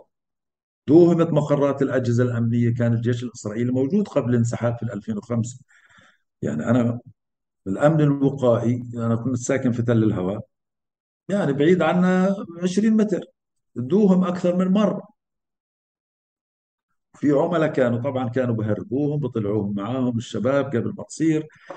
فبدأ تقويض يعني السلطة وأجهزتها الأمنية لأنه كمان كان التنسيق الأمني سابقا لم يكن كما هذه المرحلة الوقحة اللي بتشوفها في الضفة الغربية. يعني. على الأقل كان أبو عمار موجود وكان في خط ظهر. آه كان بيعتقل الناس وهي مرفوضة تماما التنسيق الأمني. لكن بحاول أبو عمار بطريقته لما اكتشف أنه الموضوع كله فيش منه فايدة استشهد. يعني قتلته إسرائيل. الانتفاضة الثانية للأسف يمكن هذا في الضفة أكثر في غزة كان مسيطر عليه لأنه الأجهزة الأمنية حتى ظلت قائمة لغاية 2004 2005 وإلها قوة وإلها سطوة لأنه فتح وراها لأنه فتح موجود وقوية كانت في ذلك الوقت وكوادرهم وعناصرهم. سواء اللي اشتغلوا ظلهم في التنظيم أو اللي في كتائب شهداء الأقصى على تماس تام ودائم وتنسيق مع الأجهزة الأمنية. فكان موجود واللي بيتم آه في عملاء تم اعتقالهم في الانتفاضة ومحاكمتهم وقتلوا برا الأجهزة الأمنية. كمان فتح كان لها دور إنه بدها تبين إنه أنا كمان بقدر أحاكم وبقدر أقتل وبقدر برا أقتل بمعنى العملاء. وهي رسائل كانت التنظيمات بتوصلها لإسرائيل وللناس اللي بيكون متعامل قد يحدث معه واحد اثنين ثلاثة زي هذا الشكل يعني. مش ضروري أنه يعرض على القضاء العادل لكن إحنا في عنا آه، عدالة إيش؟ القضاء الثوري تبعنا اللي كانت منظمة التحرير بتعمله في بيروت أيام ما كانت هو بناء عليه قانون العقوبات الثوري العامة. المحاكم الثورية. آه المحاكم الميدانية أو الثورية وعندنا للأسف لاحقا صارت محاكم أمن الدولة. اللي كانت بحاكم العملاء عليه في أو بتحاكم السياسيين الفلسطينيين العاديين المعارضين كمان والمناضلين اللي كانت بتعتقلهم من حماس ومن الجهاد ومن الشعبية ومن الديمقراطية. شوف كيف كل هاللخبطة كلها هذه يعني صراحة. يعني يمكن في غزة شوي مضبوط أكثر في الضفه كان أكثر الموضوع آه، يمكن أو خاصة أنا كتبت عن هذا الموضوع في 2002 بذكر مقال وقديش عدد المتعاونين اللي قتلوا عن هذا في هذا في في طول كرم زي ما حكيت لك قبل في موضوع أكثر. في أكثر من منطقة لكن تنظيمها أكثر لكن حتى تنظيم هاي العملية عن طريق القضاء والأجهزة الأمنية كمان بصير في تجاوزات كانت بصير في اعتبارات أخرى وبكون في ظلم لأنه آه، الموضوع وطني آه بس أنا ما استخدمش الموضوع الوطني على يعني لمدى مفتوح لأنه أنا في في أعمال وفي وطني كمان في حقوق الناس وما بعد حقوق الناس عائلات. وتأثير ذلك اجتماعيا على المجتمع الموضوع بتركبش على عين ركب على مجتمع ومحيطه. يعني الناس كانت بتتأذى لما بقول لك في واحد عميل في الحارة أو في المنطقة الفلانية. فهاي لها تأثيرات للأسف اجتماعية كثير جدا سيئة.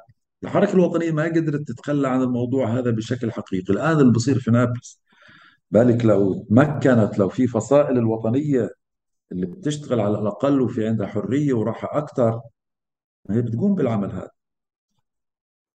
صحيح صحيح صحيح يعني لكن لأن لأنه الأجهزة الأمنية ما زالت موجودة بالرغم من ضعفها لكن تقدر تعتقل. آه، ربما بارزة في أكثر في غزة الموضوع في الوقت الحالي يعني بس هذا هيك مرور سريع لأنه حالة المقاومة المستمرة والاستهداف المستمر للمقاومة في غزة. لكن الموضوع زي ما حكينا كمان بالأول أنه لم يفتح هناك نقاش وسجال وطني حقيقي في هذا الموضوع. هو موضوع دائما يعتبر من التابوهات وكأنه من المحرمات يفتح عندما بصير ردة فعل ويناقش عنده بصير ردة فعل. وللأسف مع وجود السلطة آه بصير في التدخل العشائري. ربما في الانتفاضة الأولى كان أكثر حسما كانت أكثر حسم.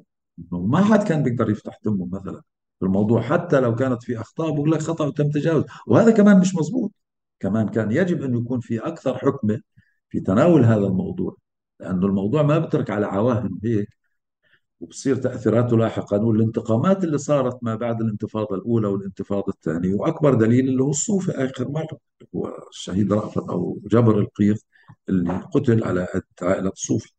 في الانتفاضة الأولى كانت في ديات تدفع للي بصير فيهم خطأ لكن اللي يقتل كعميل لا تدفع فيه. ومن السلبيات اللي كانت في الانتفاضة تصير شهادات البراءة. انه قتل عميل فبتيجي إحدى المجموعات في احد التنظيمات بقول ابنكم بريء وهي شهادة منه. ولما أجت السلطة كمان صارت تعطي شهادات براءة. ابنهم مش عميل. آه كيف يعني شهادات البراءة؟ يعني إنه فلان قتل على تهمة العمالة. قتلوا احد المجموعات في احد الفصائل مثلا. آه.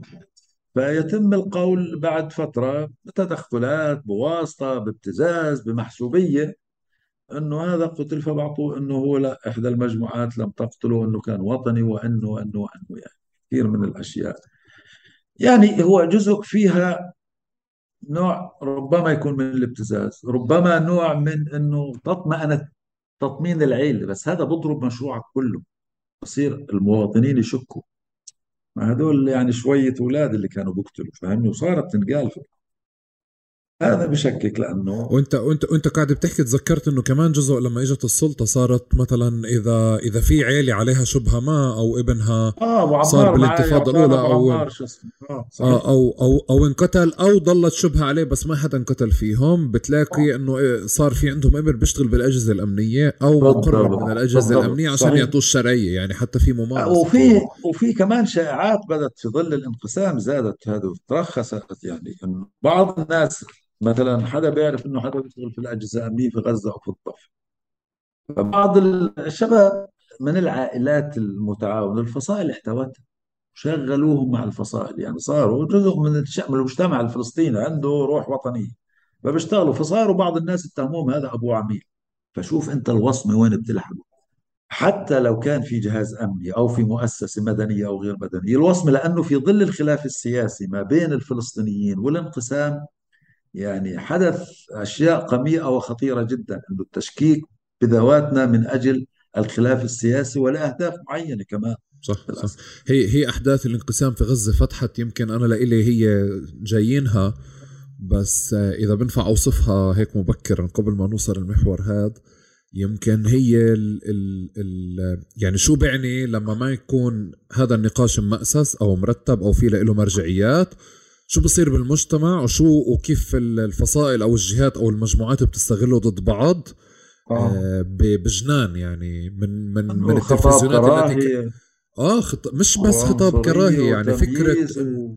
إنه أنت كل يومين كان يطلع عندك عميل يعني إنه عيلة عملاء طبعا. آه، حزب عميل مجموعة عملاء آه، ضاربوا فلان عملاء ضاربوا علان عملاء هيك بهذا المنطق للأسف. يعني. صحيح آه. زي ما كان في آخر الانتفاضة الأولى هيك صار بدي بدي أرجع للانتفاضة الثانية و... و... و... ويمكن في هيك صور آه، لإلي بالنقاشات الغير ممأسسة كانت بالانتفاضة الأولى اللي, اللي لأنه ما كان في مرجعية واضح يعني مرجعية وطنية. واضح لي اليوم شو بعني؟ إنه ليه الناس ضلت شاكة بإنه فلان عميل أو ما عميل بالرغم إنه ما حدا حكى معه. فكتير غريب إنه بال2000 أو 2001 يرجع ينفتح إنه فلان حدا يروح يصفيه لأنه فلان عميل بالانتفاضة الأولى.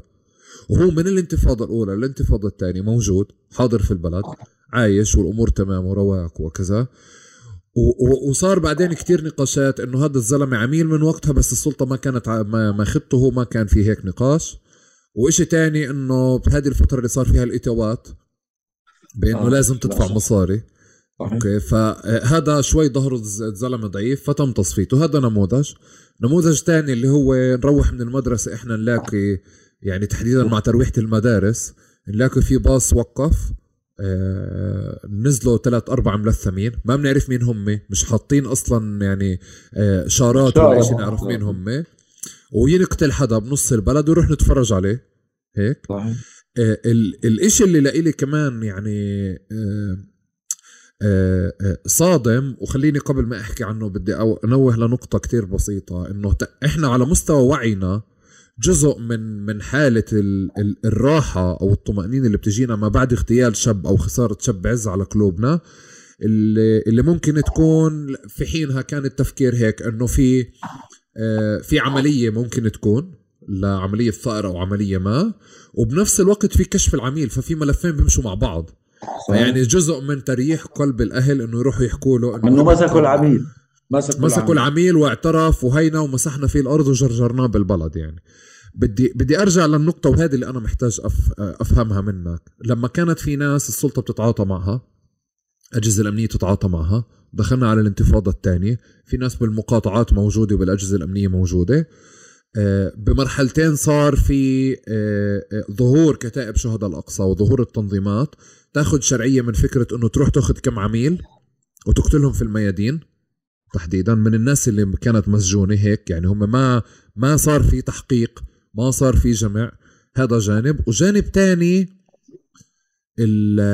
اللحظات اللي كانت اسرائيل بتقول بدنا نقصف المقاطعة. آه. فبكون فيها عملاء. بروحوا الجنائيين بروحوا بروحوا يعني كل حدا ما عليه آه، ما عليه شبهه شبهه أمنية.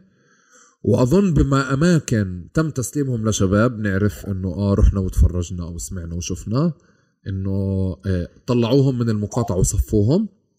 حلو؟ آه، و... ويبدو لي إنه بمكان تاني بغزة كمان صار نفس الإشي بمحل إنه لما صار في تحذير لبعض المناطق إنه تم اخلاءها من كل شيء بس خلوا العملاء. يعني في النموذج تبع إنه إنه بالحالة هاي شو لازم يصير؟ إذا حدا تم التحقيق معه كان محكوم 10 سنين أو 20 سنة اجى ببرامج ما. سواء كان بقضاء أو بحكم أو بايا كان. وهون ما في ما في نقاش على محكمة ثورية ولا انت أنت عملت له المحاكمة. محكمة الميدان آه وانت بس هي محكمة الميدان بتنعمل كمان يعني مرة تانية؟ محكمة الميدان بتنعمل فوق يعني في حدا محاكم ضايله 10 سنين وبده يروح لا هو قرار يصدر من المستوى السياسي أو العسكري صفوا يعني في الانتفاضة الأولى صارت على فكرة لما كانت بخشوا على على على المقرات الأمنية كانت الأجهزة الأمنية لها مقرات بديلة مثلا في شقق مكاتب كذا. تحكي عن في ناس في شقق يعني في الأولى كمان في الثاني بقصد آه في الثاني.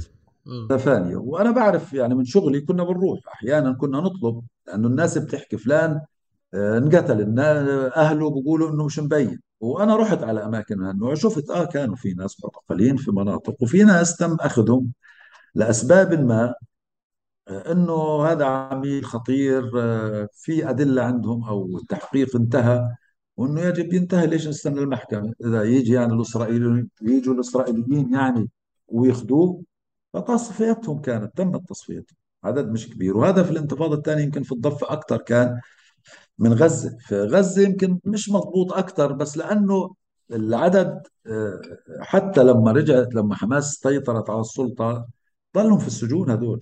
وحماس آه، خلتهم. يعني في ناس منهم ربما هربوا لكن ضلوا موجودين. وفي ناس أعدموا آه، بعد يعني تم محاكمتهم وأعدموا أثناء سيطرة حماس على الحكم وفي ناس منهم حتى الآن موجودين ومحكومين سنوات مؤبد. وفي ناس محكومين بالإعدام ولم يتم تنفيذ حكم الإعدام عليهم. لأنه ما بشوفوا يعني وفي ناس تم تبرئتهم بمعنى تم إعادة التحقيق معهم من جديد. وبدل من العام اللي كان إعدام أو مؤبد نزل إلى سنوات يعني. أما في ناس لحتى الآن أنا بعرف أسماء من ال 97 و 98 موجودين في سجون غزة يعني. مش عدد كبير بس موجودين يعني. طب إحنا شو الموقف مثلا أنا معلش بس ساعدني آخذ موقف عشان ننطلق للي بعده. آه. الحدا اللي كان محاكم ضايل له 10 أو 15 سنة آه هذا الانتفاضة الثانية. نعم.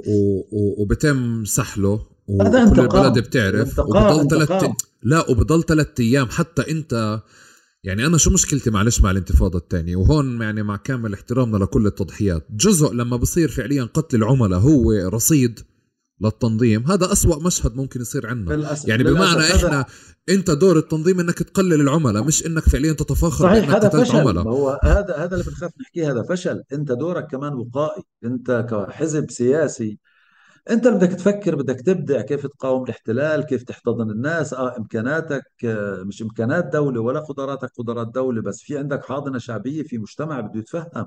بدكش تضرب النسيج المجتمعي من خلال نزوة أحد الموجودين المسؤولين أنه اقتلوه لأنه خلص. ما هو هذا ممكن اللي قتله بغطى على إشي.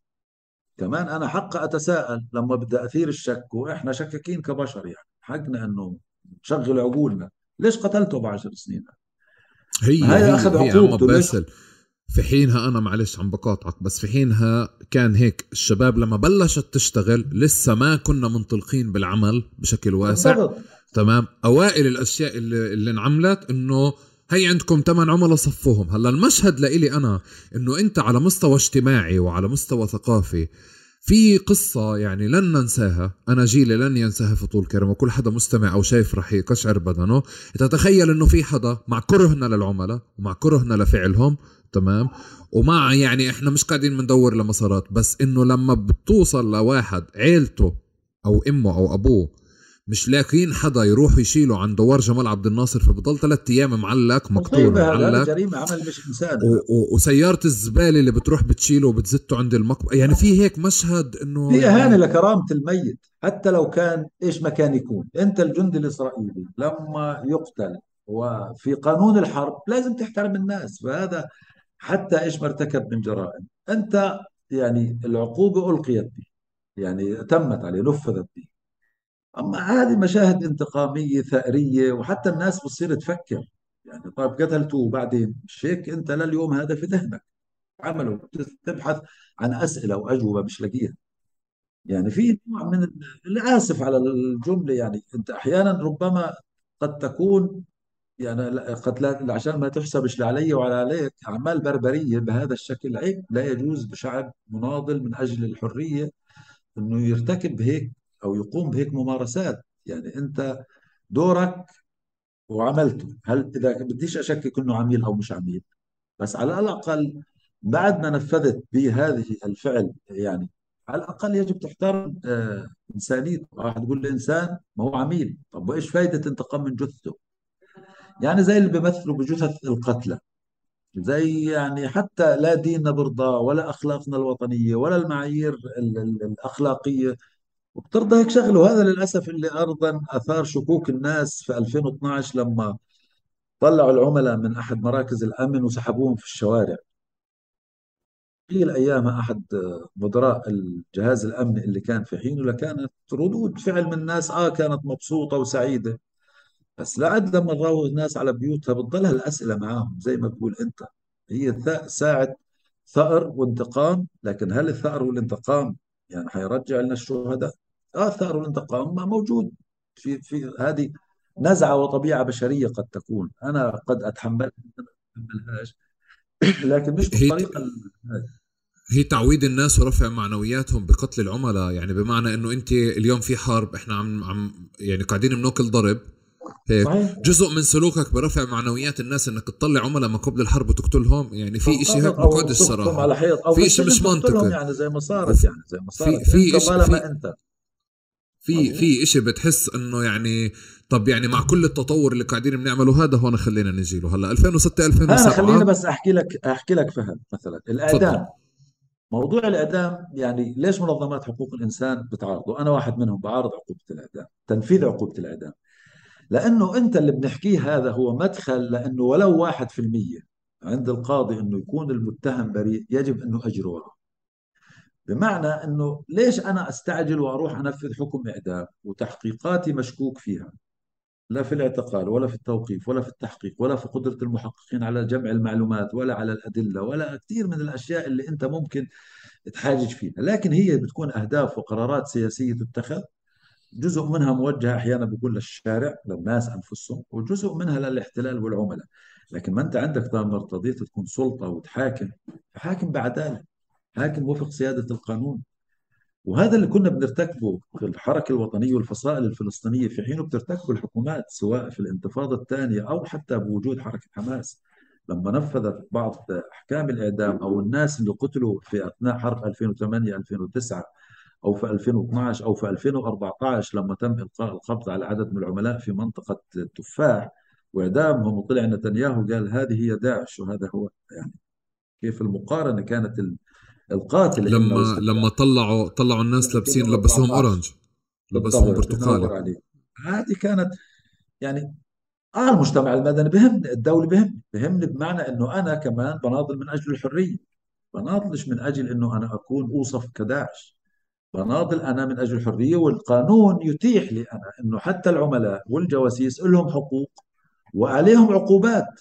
فأنت طالما عندك حكومة وعندك سجون وعندك قادر إنك تخفيهم كل هذه الفترة.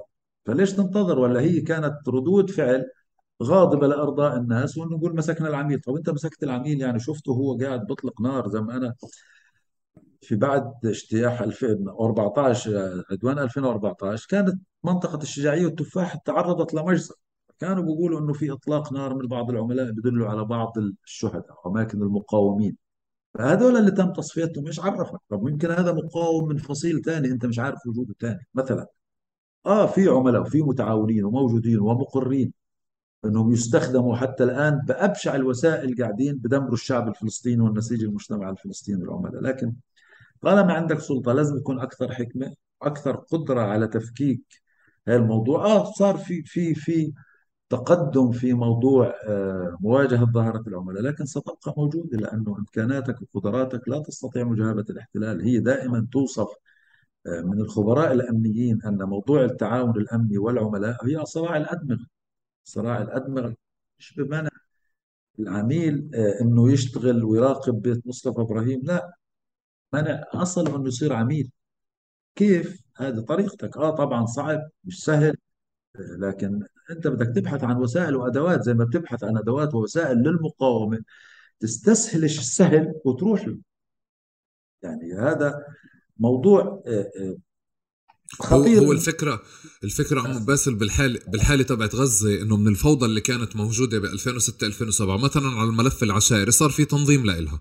تمام. للأسف صحيح مزبوط تمام. صار 2005 في تنظيم لإلها ممتاز عظيم لاحقا وبطلنا اليوم مثلا نسمع على في عشيرة فلان طخ على فلان ولا فلان هاجم على فلان. وإذا صار في إشي بيتعاطى معه لا وبتصير كبير. بتصير يا أحمد بتصير. بعض الفصائل يعني آه، السلاح بيكون من الفصائل من الفصائل بعض الشخصي بعض الناس. وهذا الخطر ليش هي الحركة حماس في غزة والحكومة حماس في غزة تخشى من هذا الموضوع؟ لأنه إذا هذا الموضوع انفتح سنعود إلى الملف الثاني. عشان هيك مش دائما القبضة الأمنية تنتج حلول.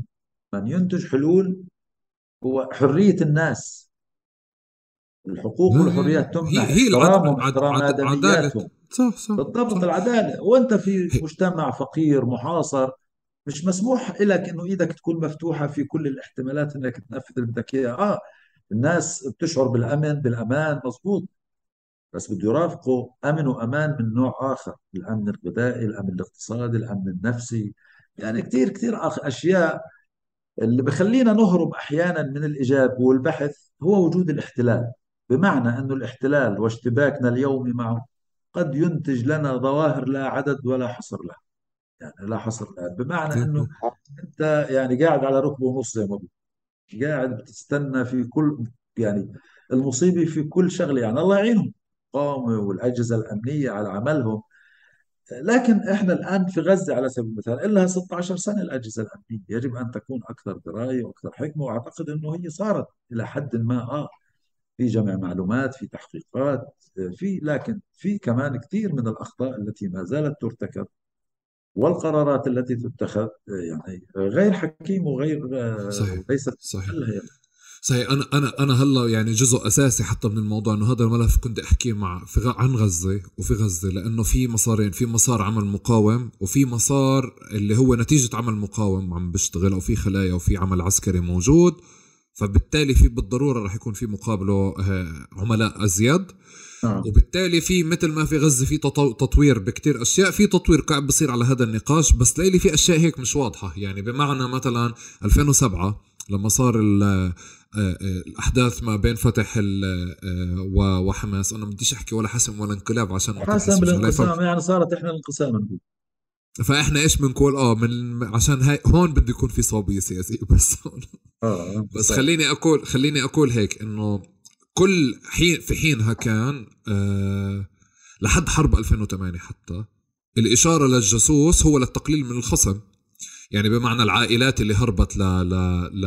للضفة أو دخلت من خلال الحدود. أو فعليا إذا في عيلة كان ما بيني وبينها طار سابق كمان انثار في حينها ودخل ما يعني التنظيم بجوز آه، تبناه أو مش تبناه بس زي تحرك خليني أكون نتيجة وجود عنصر أو قائد ما من العيلة المقابل الفلان العيلة الفلانية.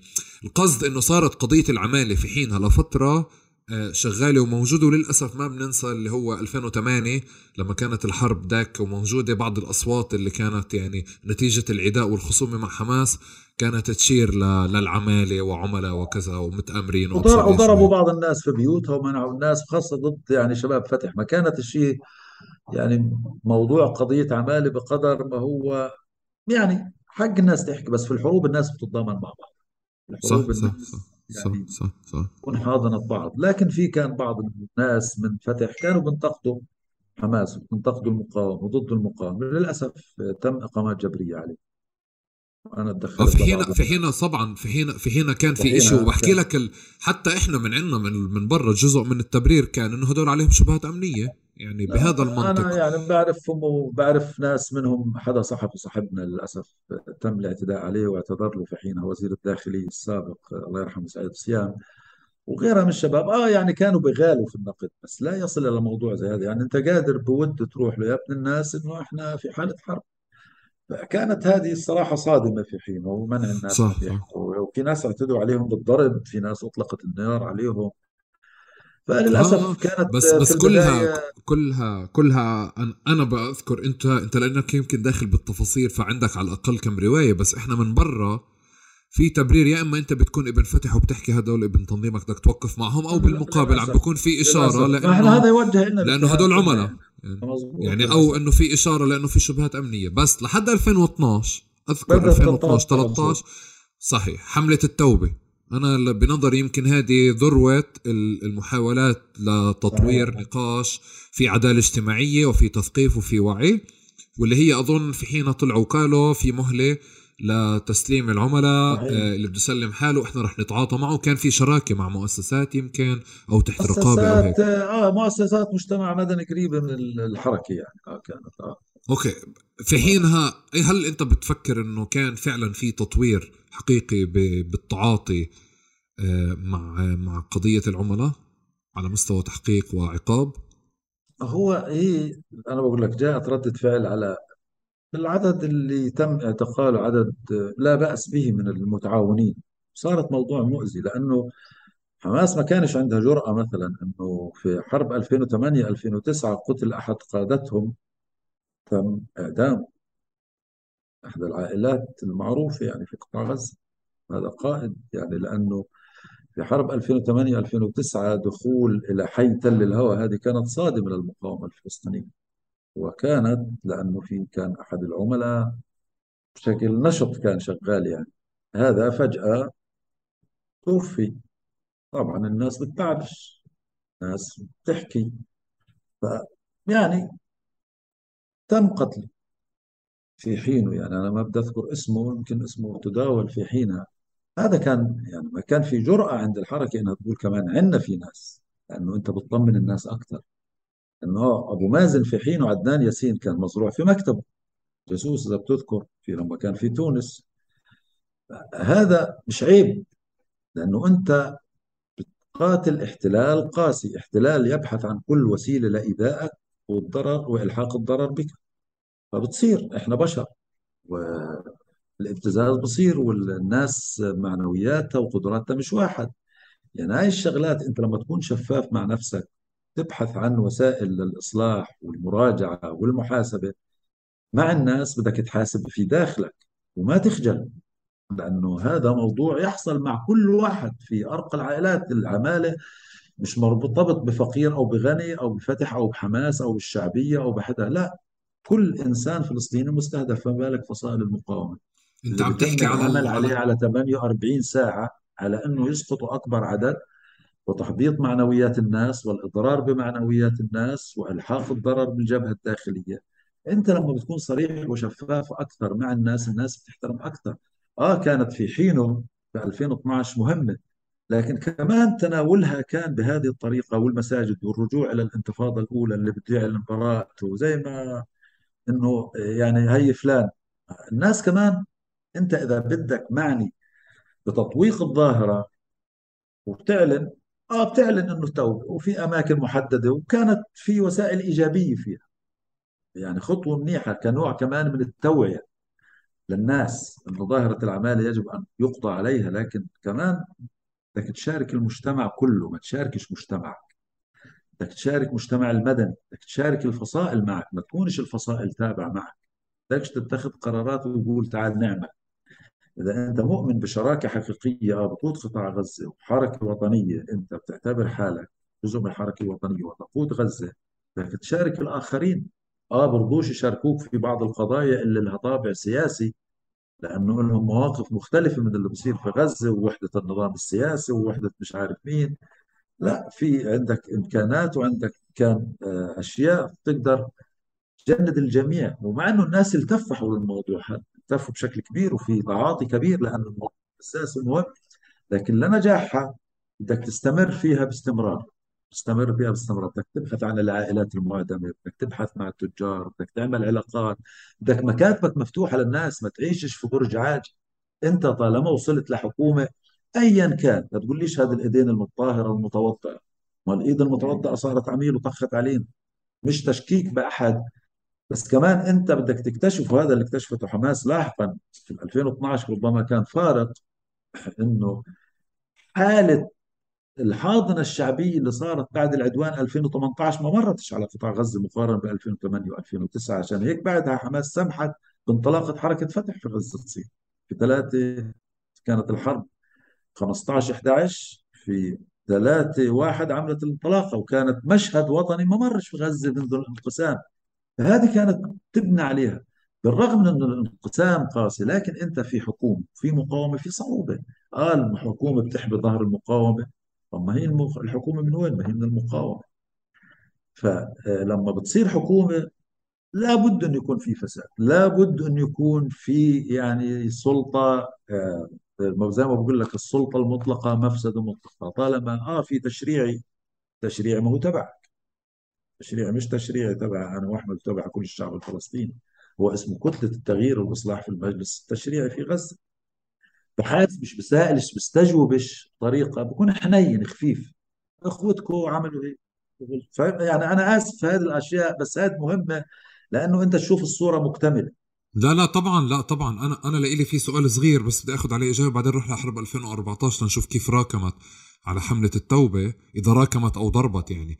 بس تحديدا عندي استفسار ال ال القائد الكبير اللي أنت بتحكي عنه اللي تم تم إعدامه آه واللي يمكن آه يعني حسب ما أذكر ال ال هو فعلا كان أساس الدخول أو الخرق لتل الهواء يعني حدا من الحديات يعني. آه بس بس في حينها آه اللي انت بتقوله انه مثلا كان في مراعاة للأسرة بعدم قتله أو مراعاة للتنظيم أكثر. يعني بعدم التصريح عن اسمه يعني هو وعدم التشهير فيه. هو أنت حتى لما صرحت أي حدا بموت الناس بتعرف إيش سبب بصير تبحث في سبب الوفاة. فبالك آه بس بس بس على مستوى رسمي. ما ما انذكرش. انذكر يعني ذكرش. كانت بيانات غامضة ومتناقضة. إنه لأنه صاحب القائد الفلاني لأنه ما هانش عليه بس إنه ابلغوا عائلته إنه ابنكم كذا كذا. استوعبت العائلة. بس ما كانش إعلان للناس. مثلا في قضية الشتاوي آه. قائد القسام. شتاوي كارثة هاي القضية يعني. يعني وكان في تحدي واضح. أنت بتقول للعائلة إيش واستوعبت أنا بعرف العائلة وبعرف صديقة لنا أخته. وكتبت عن الموضوع وتم يعني معاتبتي في الموضوع إنه يعني كانش في وضوح هل هو تعاون ولا اخلاقي ولا إيش؟ أنت كن أكثر جرأة. وكيف أنت عندك حكومة وبتعدم خارج نطاق القانون؟ لما بتقول لا أنا حركة. أنا حركة على عيني وراسي طب كيف يعني؟ طب أنا بكرة يعني لما بدي لا سمح الله أو أي مواطن يروح يأخذ القانون بيده تسمح له؟ بس لأنه أنت حركة والمقاومة أنت المسيطر عليها كلها بتقدر تقتل واحد من هالنوع. طب إيش؟ ليش؟ وحتى الآن الموضوع الناس شاكة إنه عميل وفي ناس بتقول عميل. يعني موضوع أخلاقي موضوع مصاري موضوع يعني بؤدي إلى قتله بهذه الطريقة واحتجازه والتحقيق معه. وديه على المحكمة وديه على الحكومة وديه على المحاكم. بده يقول أسماء إنه مين تعاون معاه أو مين شو أو مين شرايكه مثلا أو بيعرف اعملها محاكمة سرية سيدي مش علنية. مزبوط ولا لا؟ ويجوز لك في القانون انه المحاكمة تكون علنية أو سرية. حسب. ففي أشياء يعني أنت بدك تعمل إشي وطني تظهره للناس ينعكس سلبا عليك لأنه أنت ما مارست اللي بتعمله. حكومه فهذا موضوع كمان حساس وموضوع يعني خاضع للسجال وللنقاش الدائم وللناس تستذكره. هي قضية تشتاوي وقضية أظن كمان أيمن طه. يعني كل هاي التضارب ما بين إنه في عندك مثلا تنظيم أنت كيف آه، كيف بمحل؟ خليني أقول إنه زي تطور بعد طور نقاش. بعد التسجيل بنحكي يعني أيمن آه. الابن المدلل وقائد وأبوه قائد وبهذه الطريقة كمان كمان مسيء للحركة وتسيب الموضوع عايم. يعني أنت تكون لليوم بنشار إنه جاسوس يعني لليوم. بالضبط مظبوط. آه لليوم لأنه لأنه في شيء شو صار؟ فيش إلا غير هيك عند الناس. في في شيء اللي صار ما قبل. رح تمنتجوا اللقاء. لا هذا زي ما هو راح يطلع. زي ما أكدت لك في قبل. بس أرجع أرجع لنقطة إنه إنه ما قبل شو اللي سبق؟ إنه آه في في يعني جزء من التطور اللي صار أو التطوير اللي صار ما بعد 2012 إنه أنت كرامة للأسرة أو العائلة ما بتعلن إنه فلان عميل بس بدك تخلص عليه حتى لو أثبت عليه. فمثلا بيطلع بفلان بعملية بحادث سير بكذا بهيك فصارت هذا مش أحمد هذا قاطعك فيه هذا مش دائما دقيقة. اللي أنا بحكيها. مثلا آه مش دائما دقيقة مش في اللي بتحكيه أنت في اللي يشاع يعني بتصير حالات جهادية إنه فلان قتل بس هذا يستخدم للأسف في الانقسام. قد يكون في منه إنه ناس قتلوا في عملية جهادية كما يقال. قد وأنا يعني وأنت وغيرنا لأنه بتشغل عقولنا بنصدقوش. أنا بدي لا لا أنا أنا أنا أنا لا أنا, أنا بضرب كمثل بقول لك يعني كمثل لا لا أنا معك. القاعدة القاعدة إنه آه. في عندنا عمليات جهادية ولكن مضبوط بس كمان مش لازم كله هذا لأنه الانقسام السياسي انعكس بالسلب. أي عملية جهادية صار يشكك فيها. لا لا أنا أنا أنا بالقاعدة أنا متفق معك كويس شكرا على التنوية. آه، أنا أنا لإلي فعليا اللي صار إنه في في مظلة عليها إجماع اجتماعي ووطني وكل شيء اللي هي العمل الجهادي أو العمل المقاوم. نعم. جزء من من من من يعني قمة الأخلاق خليني أقول بهذا الوصف عند الناس إنه في حدا قام بفعل ما يحاسب عليه. إحنا بنعرف إنه خواته وأهله وأخوته وعائلته ستتضرر فقاموا بإخفاء آه، السبب وراء قتله. وتحطوه تحت المظلة العمل المقاوم. هذا ما في أفضل من هيك. تمام؟ من خفى. نعم. ولكن لما كثر الموضوع أو صار في معمعة أو صار في عندك قضية إنه أنت ما بتعرف إنه هون طبعا بكون في محاكمة أو لا في صارت محاكمة إنه هذا بتم محاكمته بمحاكمة القسام وهذا بتم محاكمته بمحاكمة السلطة وفلان تم اخفائه لعنده مشكلة أخلاقية وفلان عنده مشكلة كذا. هون دخل الموضوع بسياق بظن أنا وقت قضية يعني الحديث عن أيمن طه والحديث عن عن شتاوي شتاوي هي كانت الانفجار إنه القائد العسكري أو الناطق باسم يعني كتائب القسام يطلع على تويتر ويأكد إنه تم قتل فلان على قضية أخلاقية. يعني هون هون في إشي بحكي لك إنه كل آلية معالجتك للملف أصلا شو قضية يعني. أخلاقية يعني؟ أسقطت 30 40 50 60 فتاة يعني مثلا قضية أخلاقية أو كنت تمارس اللواط أو هو هوموسيكسيالي والله مش عارف مين يعني هاي الأشياء يعني. طالما أنت حريص على سلامة المجتمع وسلامة المقاومة كان يجب أنك تروح للقضاء. زي ما صار مع ابن برهوم لما سلموه للعائله العميل اللي اكتشفوه إنه هو من أبلغ عن الشهداء رائد العطار وأبو شمال محمد أبو شمال. واستشهدوا ناس على أثره في نفس المنطقة. يعني كيف بتسلموا للعائلة؟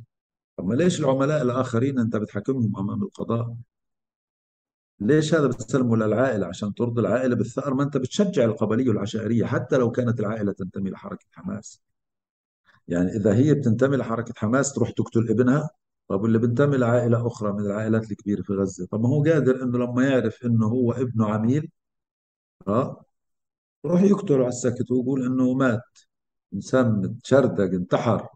مش بتصير في قضايا انتحار؟ إحنا ليش بنبحث في قضايا الانتحار دائما بنشك فيها خاصة للنساء لأنه في سبب آخر بيكون وهذا أيضا كمان سبب آخر بده يكون فهذا يعني لا يجوز أنه تأخذ القضية من هذه الزاوية لأنه في حين كانت ظروف معينة كانت انتخابات داخلية في حماس يعني هذه الناس بتطرحه.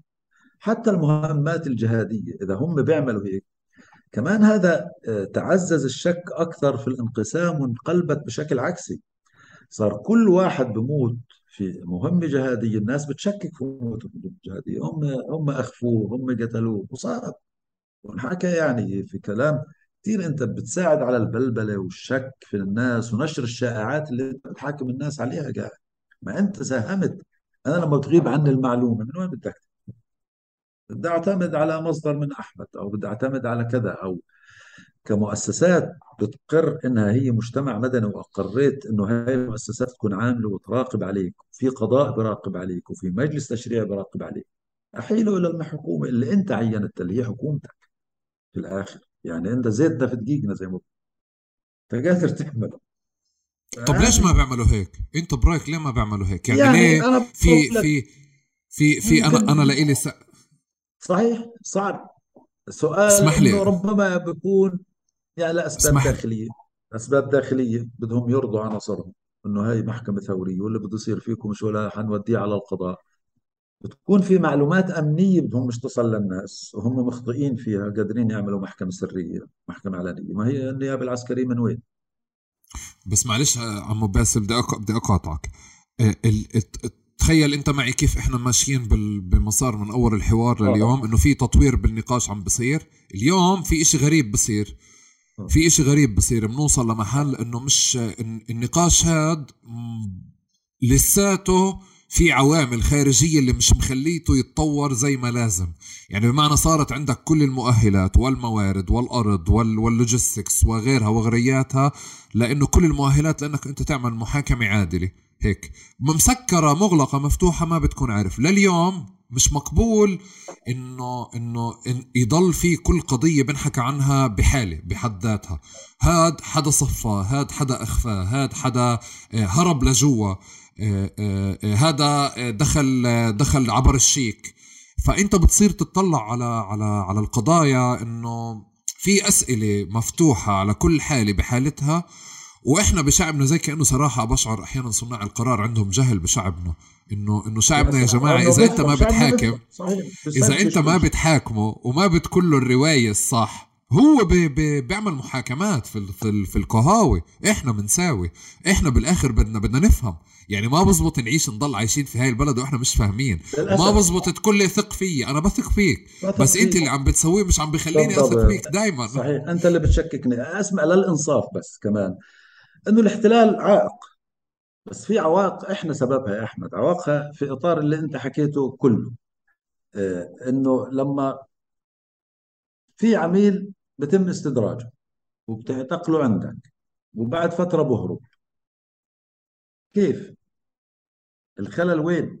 الخلل في إنه أنت ما قدرتش تحمي عميلك هذا أو تحمي مندوبك أو اللي أنت جايبه بتقول عنده معلومات مهمة من جهاز أمني. وفي لحظة وفي وقت في ناس عندك يعتقلوا وبتحقق معاهم في أماكن أخرى غير المكان الرسمي المتعارف عليها. لأنه أنت بتقول لا سلاح إلا سلاح السلطة زي أبو مازن. آه سلاح المقاومة على عينه وراسه هو اللي بيحكم. بس ليش المقاومة أنا بعرف فصائل كمان خطفت ناس حققت معها فصائل. لأنه علاقتها بحماس منيحة صح أنه بيعجبش حماس وبيعجبش الأجهزة الأمنية. لكن كانت بتحقق مع ناس. وناس انضربوا على السكت وبهدلوا وافرج عنهم لأنه ما كانت عندهم يعني قضايا خطيرة. القضايا الخطيرة تم تسليمهم مثلا. فأنا هنا في تناقض في آه، صحيح قد تكون هناك معلومات سرية ما حدش بده يعرفها قد تكون هناك آه، أمور قد تمس آه، المقاومة بشكل مباشر ومعلومات قد تكون خطيرة إذا أعلن عنها أو تسربت. طب ما في شغلات قاعدين إحنا بنعرفها قبل ما يخلص التحقيق ومين اللي بطلعها اللي بطلعوها هم اللي قائمين على التحقيق. أو في مرحلة من النشوه إنه ألقينا القبض على فلان ولا هذا عنده واحد اثنين ثلاثة كيف؟ والتحقيق ما خلصش. سواء كان في أحد اماكن المقاومة محتجز أو في أحد الأماكن الأمنية الرسمية. مراكز التوقيف اللي بنسميها رسمية اللي هي المعلنة اللي بزورها منظمات حقوق الإنسان اللي بزورها الصليب الأحمر اللي بزورها وبراقب عليها المجلس التشريعي اللي براقب عليها القضاء. طب هذاك مين براقب عليه؟ مين بشوفه؟ وليش فجأة بتطلعه وبتقول إنه هذا عليه قضية أخلاقية أو بتسلمه لعائلته للأسف إحنا ما زال نظامنا السياسي سواء في غزة أو في الضفة بتعامل بالعقلية القبلية. هو نظام سياسي قبلي. في لحظة برجع لقبليته وكون إنه أنا مع القانون وسيادة القانون. لكن في قضايا للأسف في تابوهات. لا يجب المس بها يعني حتى فيما يتعلق بالمقاومة. لما بقول لك إنه في بعض القضايا أنا مش ممنوع نحكي فيها. ليش؟ إذا أنا بشوف قائد في المقاومة بيتحرك بشكل طبيعي وبيشتغلش عمل سري. ومعروف هذا قائد المنطقة الفلانية. هذا الخلل مين؟ عندي ولا عنده؟ أنت أصبحت جيش رسمي يعني؟ ولا مقاومة بتشتغل تحت الأرض؟ وتخطينا المقاومة اللي بتشتغل تحت الأرض. صحيح في خوف من الاحتلال في اشتباك دائم مع الاحتلال بس بدك يعني تعمل عمل مقاومي سري بالكامل أو تقوم بعمل علني؟ لأنه في العمل السري قد تكون المراقبة قليلة غير دقيقة لكن هناك في تفرغ صار من المقاومين للعمل المقاوم. وهذا حق لأنه في نوع من الأمان إلى حد ما. في حرية الحركة في الروحة في الجية في بيته بنام آمن بيته مش مستهدف بشكل مستمر بمعنى إنه أسرته عايشة باطمئنان لأنه الحالة الأمنية كلها مطمئنة لكن العملاء مش مخلين الناس يطمئنوا. في لحظة ما دائما يعني برغم قوة الاحتلال وعربدته ما بقوم فيه من ما يمتلكه من أجهزة تكنولوجية بدون ما نسميه كنا زمان نسميه أبو اصبع حتى ما يسمى بالمصطلح في اسرائيل بصبع إنه بيشير بإيده. ظل العامل البشري مهم في في في في في قضية التعاون والتجسس صح صح صح, صح. هذا موضوع إنه العميل براقب بشكل يومي وهذا مهم للاحتلال على قدرة التأكد من المعلومة. على قدرته في التحليل وين راح وين اجى والربط مع مين؟ مع آه في في في في قضايا قد لا يتم البحث بس بعد 16 سنة من الحكم في غزة وبعد 25 سنة أو 29 سنة من أوسلو وحكم السلطة الوطنية الفلسطينية بشقيها في غزة والضفة يعني ما قدرنا نكون جهاز أمني ذو عقيدة وطنية. في غزة الأجهزة الأمنية خلينا نقول عندها عقيدة أمنية وطنيه في الضفه في شك لأنه التنسيق الأمني مع إنه ما بتقدر تشكك بكل العاملين في الأفراد الأجهزة الأمنية ووطنيتهم لكن في توجهات سياسية بتحكمهم والتنسيق الأمني في قضايا كثير خطير ومؤذي لنا مؤذي بشكل حقير يعني مؤذي التنسيق الأمني ما زال مؤذي سواء قديما أو حديثا حتى لو كان مؤسس في حينه لكنه مؤذي وما زال مؤذي. لكن في ظل ذلك بدك تضلك عينيك مفتحة 24 ساعة وتكون شفاف مع الناس وتبلغهم بالمعلومات اللي أنت مش بدك أنت تبلغهم إياها بس على الأقل الناس تصدق لأنه أنت في حالة أنت ما بتعرف أحمد حسام قديش خطير عندك أنت لما بتقول أنت طرحته موضوع إنه مات في قضية جهادية أو في عمل مقاوم الناس على طول بتشك.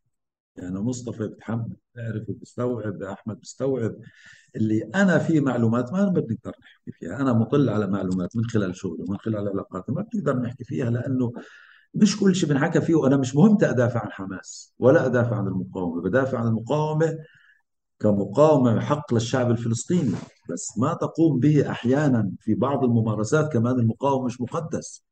المقاومة مش تابو لازم نبحث في تفاصيل اللي بتهم الناس إنه المقاومة تكون أكثر نضجا وأكثر وعيا في التعامل مع الناس وأكثر حكمة وأكثر قدرة على البعد عن الحكم. لأنه في تداخل في المقاومة والحكم. عندما يكون التداخل وتكون في سطو للناس بكون في تغول على الناس. يعني لما سلطة غرور بمعنى إنه حتى لو مزبوط موجود مزبوط في المقاومة ومعروف كقائد مش كل الناس اللي عندهم الوعي والإدراك إنه يعني آه، آه، إنه أنت دورك الوطني هذا يحترم لكن هو واجبك في مش هي هي هي يمكن يمكن جزء من المشكلة حتى اللي موجود إنه ال ال يعني ثقتنا في في في المقاومة وفي العمل المقاومه وحبنا لهم اعطاه أعطاهم يعني ثقة أكبر بأنفسهم بإنه حتى ما يفسر لي ما يبرر لي ما يحكي معي ما يحكي لي شو قاعد بصير. للأسف. وعنده ثقة إنه خلي عندك ثقة بالمقاومة. أنا يا صراحة ما عنديش أنا ثقات مفتوحة ثقة يعني سخ... بأخوتي كمان. وخلي عندك عاد- بأخوتك وهذا أخوك آه بس عادي يعني. بينفع آه. يعني. أنا شك باخوته وشك بالناس وشك بالعالم. آه. عادي يعني. هيك العلاقة قائمة. والطمأنينة بتيجي بالحكي بالحوار بالتفاصيل. أنا آخر سؤال عندي. شغلة أحمد الحالة الأمنية مش مرتبطة بالتحليل مرتبطة بالمعلومة. صح. يعني ما بتقول لي إنه جهاز أمني تحليل جزء هذا دائرة بتكون في الجهاز الأمني. أما الأمن معلومة. بدي تأكيد بتقول لي شيء يا آه يا لا. بتقول لي آه هيك المعلومة أكيدة. لا مش أكيدة. طيب أنا أنا أنا بدي تسمح لي من آخر سؤال ما قبل التقاعد. اليوم أنت عندك مساحة واسعة كان كله هيك يعني من خبرتك والحيز اللي أنت ماخده. بس بدي أرجع من خلال عملك وتواصلك مع الجهات الرسمية في غزة. آه، آه، جزء يمكن من المساءلة جزء من المتابعة جزء من الرقابة من خلال عملك بالضرورة. كنتوا بتسمعوا ردود أفعال أو تفسيرات أو تبريرات لل... للمشهد اللي بصير اليوم. ممكن تحطنا بتصور إنه هم شو بفكروا أو هم شو ببرروا إنه هم شايفين هذا الإشي آه، آه، يعني وواعيين لأنه إنه في مشكلة ولا مش شايفين إنه في مشكلة. قضية مثلا تسليم الشاب لعيلته. مش في مكان تاني هم كانوا بحاكموا أو بنفذوا أحكام إعدام. تسليمه لعيلته. هذا شو بكون تفسيره؟ شو بكون مبرره؟ فإذا بتحطني بس عشان نقدر نفهم العقلية اليوم كيف تتعاطى مع مع هذه الحالات اللي موجودة من خلال يعني من خلال أنت شو شفت وسمعت في عملك؟ يعني خلينا نأخذ حماس آه، 2007 ل 2012 يعني 2007 2012 يمكن خلينا أقول لك اياها بلغة اخواننا المسلمين حالة التمكين. يعني في المرحلة دي كانت الأوضاع خطيرة وصعبه جدا وتلقت حماس ضربات وكانت في مناوشات ما كانت فتح آه، كانت تعتقد حماس إنه هي القوة اللي قد تقوم بعمل مناوئ آه، خطير. آه كانت في بعض الأحداث عبوات انمسكت ناس اتحاكموا. تفجير الشاطئ اللي قتل أو استشهد فيه سبعة من المقاومين من آه، كتائب القسام وهذا أثار حماس واللي على أثره تم تطويق الشجاعية و- وهروب بعض الأفراد ع- إحدى العائلات آه، إلى الحدود الإسرائيلية ومن ثم وصلوا إلى رام الله. آه، كمان في كثير من الأحداث في حينه كانت السلفيين أو ما يسموا الجهاديين آه، ما كانش داعش كانت في مجموعة اسمها جلجلة وأعضاء لهم هم من حماس كان جزء منهم يعني. ما بدي أسمي أسماء لأنه كانت موجودة وشفت منهم في الناس. في 2008 أول مجموعة كانت آه، موجودين آه، عند الأمن الداخلي وهذا كان حماس بتنظر له بشكل خطير جدا مؤذي. شباب صغار ومسكر مخوخه مسكر يعني. جزء من يعني من هدول كانوا بيكرهوا حماس وما زال جزء منهم هربوا بعد ما طلعوا من السجن أو بعد حرب 2008 جزء منهم مات في سوريا اللي مات في ليبيا. تحت شوية حماس لكن ظلت جذورهم موجودة. هذا كمان تحدي كبير أمام حماس. حماس حاولت أكثر من مرة بالقمع بالقبضة الأمنية بالحديث مع مشايخهم آه هذا كان في حينه موضوع مؤذي وما زال حماس صحيح أنه الآن ما في كما كان في السابق لكن هؤلاء كامنين موجودين. للأسف حماس في حينه ركزت على فتح أكثر ما تركز على زي ما حدا قال لي مرة المسؤولين في حماس ركزوا على فتح أكثر ما يركزوا على دول الناس الخطر الكامل. يعني فتح ما كان عنده قرار تواجه حماس عسكريا بعد الحسم أو بعد سيطرة حماس على قطاع غزة. والشباب اللي كنت أنا بشوفهم وبعرف جزء منهم وكنا بنشوفهم في السجون وما زال جزء منهم محكومين حتى الآن بمؤبدات أو سنوات طويلة وعدد مش كبير يعني إذا بدك تحكي عن اعتقال سياسي موجودين معتقلين سياسيين فتح بتصنفهم وإحنا بنصنفهم كنا في لما كنا في كنت بشتغل في الهيئة المستقلة حقوق الإنسان كمعتقلين سياسيين. الحالة كانت مربكة كثير لحماس وكانت مش مستوعبة ومش شايفة تنظر لمؤسسات حقوق الإنسان يمكن حتى الآن هذه النظرة موجودة وكأنها تعمل مع جهات خارجية مكان مع أنه العلاقة قديمة. يعني من يحكم الآن؟ أنا كنا بنزورهم عند الأمن الوقائي والمخابرات. لما كانوا بيتعذبوا لما كانوا بيحكموا وكنا وبرزت علاقات شخصية مع عائلاتهم ونسائهم لأنه يعني كان دفاعنا عنهم مستمر. وهذا في حينه دفعت منظمات حقوق الإنسان ثمن آه، عند السلطة الوطنية الفلسطينية واعتقل بعض رموز حركة حقوق الإنسان سواء في قطاع غزة وفي قطاع غزة وبعضهم قدموا لمحكمة أمن الدولة على لأنهم كانوا بدافعوا عن المعتقلين السياسيين وكنا بنروح على القضاء. صدر القضاء أصدر القضاء الفلسطيني في حينه قرارات من المحكمة العليا بالإفراج عن المعتقلين السياسيين من حماس فظلت العلاقة يعني شخصية ومش شخصية. أحيانا العمل الرسمي والعمل الشخصي. بعد 2012 بدت شوي يعني. 2012 ريح الحالة لأنه استشهاد الجعبري له حضور كان الله يرحمه. وحققت المقاومة أشياء ضرب تل أبيب. هذا يعني صار عند الناس نشوة النوع أنه ها قادر مقاومة تعمل شيء أنه دفعنا وندفع ثمن غالي. وصارت شبه مصالحة مش مصالحة أنه السماح لأول مرة بتجمع كبير لحركة فتح أنها تحيي انطلاقة الثورة الفلسطينية وانطلاقة حركة فتح وشارك الكل فيها.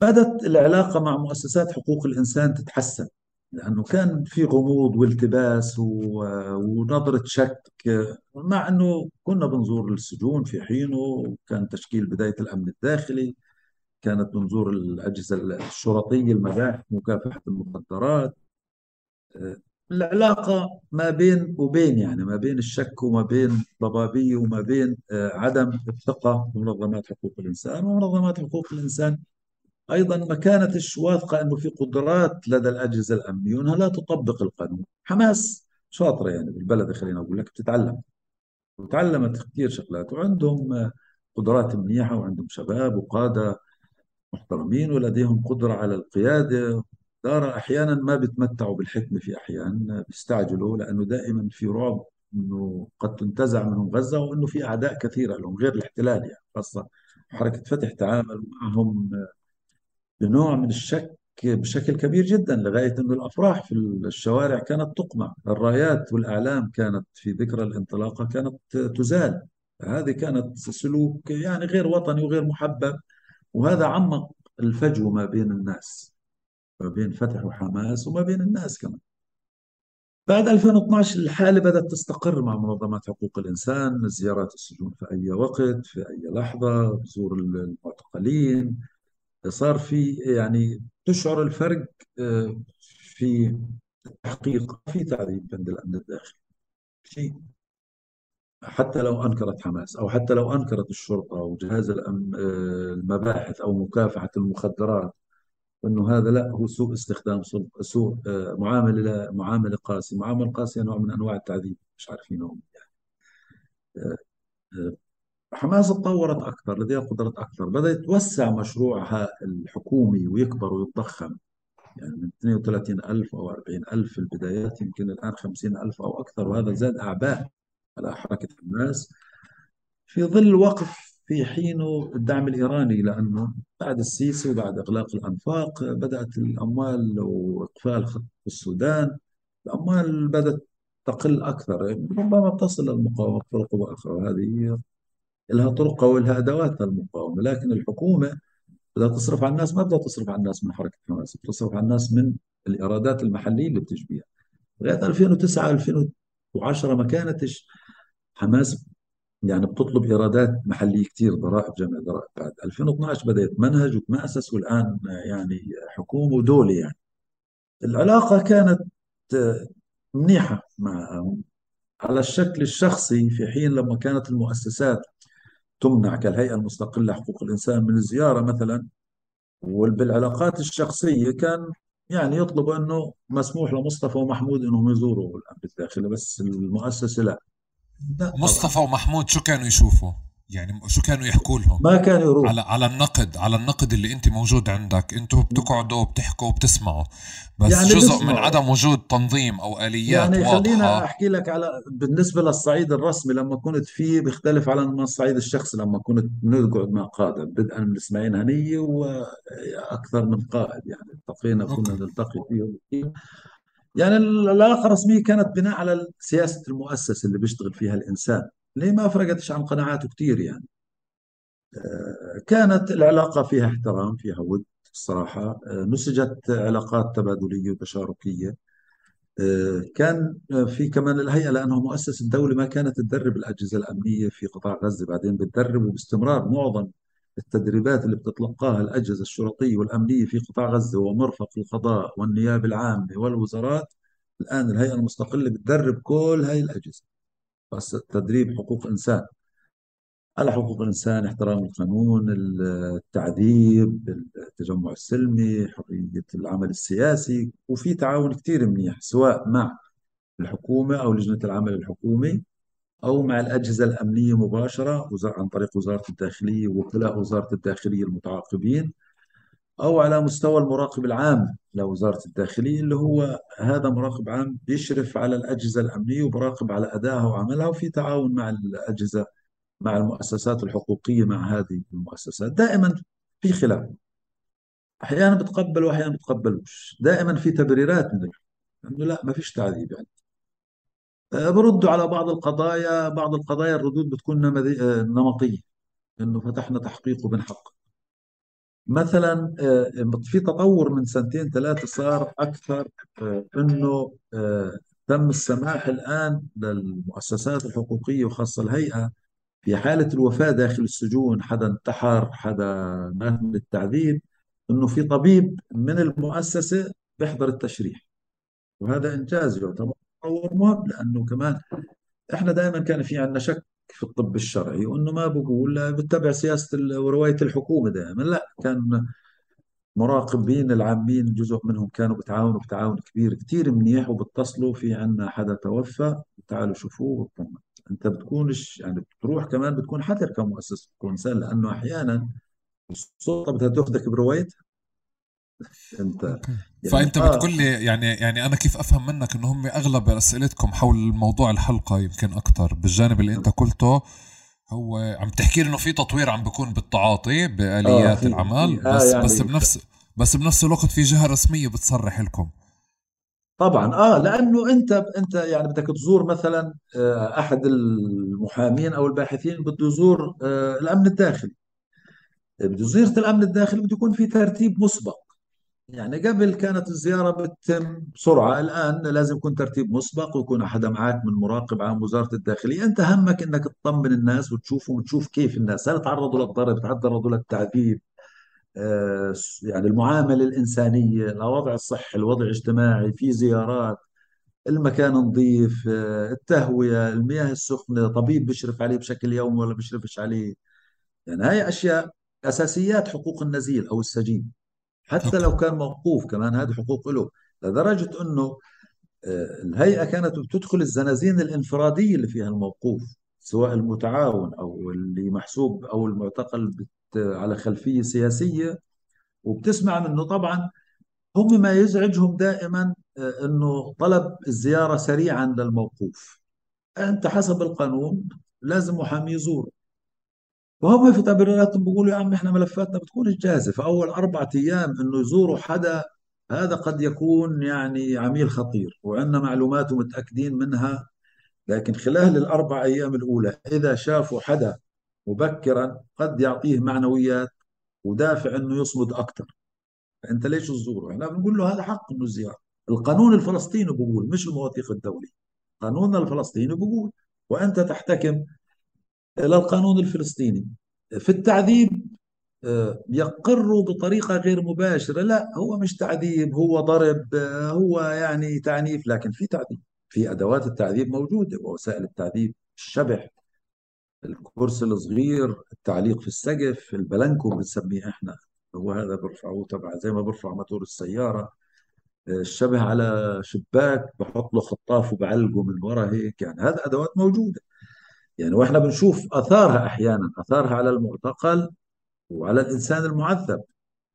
يعني حالات التعذيب سواء عند المكافحة للأسف والمباحث العامة أكثر ما هي عند الجهاز الأمن الداخلي. أنا خلينا أحكي عن قطاع غزة بحكيش عن الضفة لأنه نفس الشيء للأسف.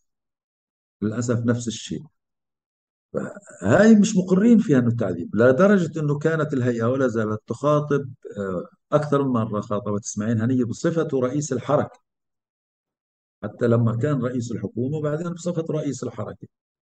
وهو للامانه كان بوجه يعني وكانوا بيتخذوا إجراءات وقرارات لكن للأسف بعد لا فترة لا يتم العمل. فإحنا بنقول لهم مستعدين ندرب وكانت الهيئة بتدربهم على حقوق الإنسان. لكن دائما الأجهزة الأمنية بتستعجل. دائما يعني إذا ما كان في معلومات عند ضابط الأمن قد يفشل يعني في معلوم في في في, في انه انتزاع اعتراف لأنه هو التعذيب انتزاع اعتراف بالضرب وبالعنف.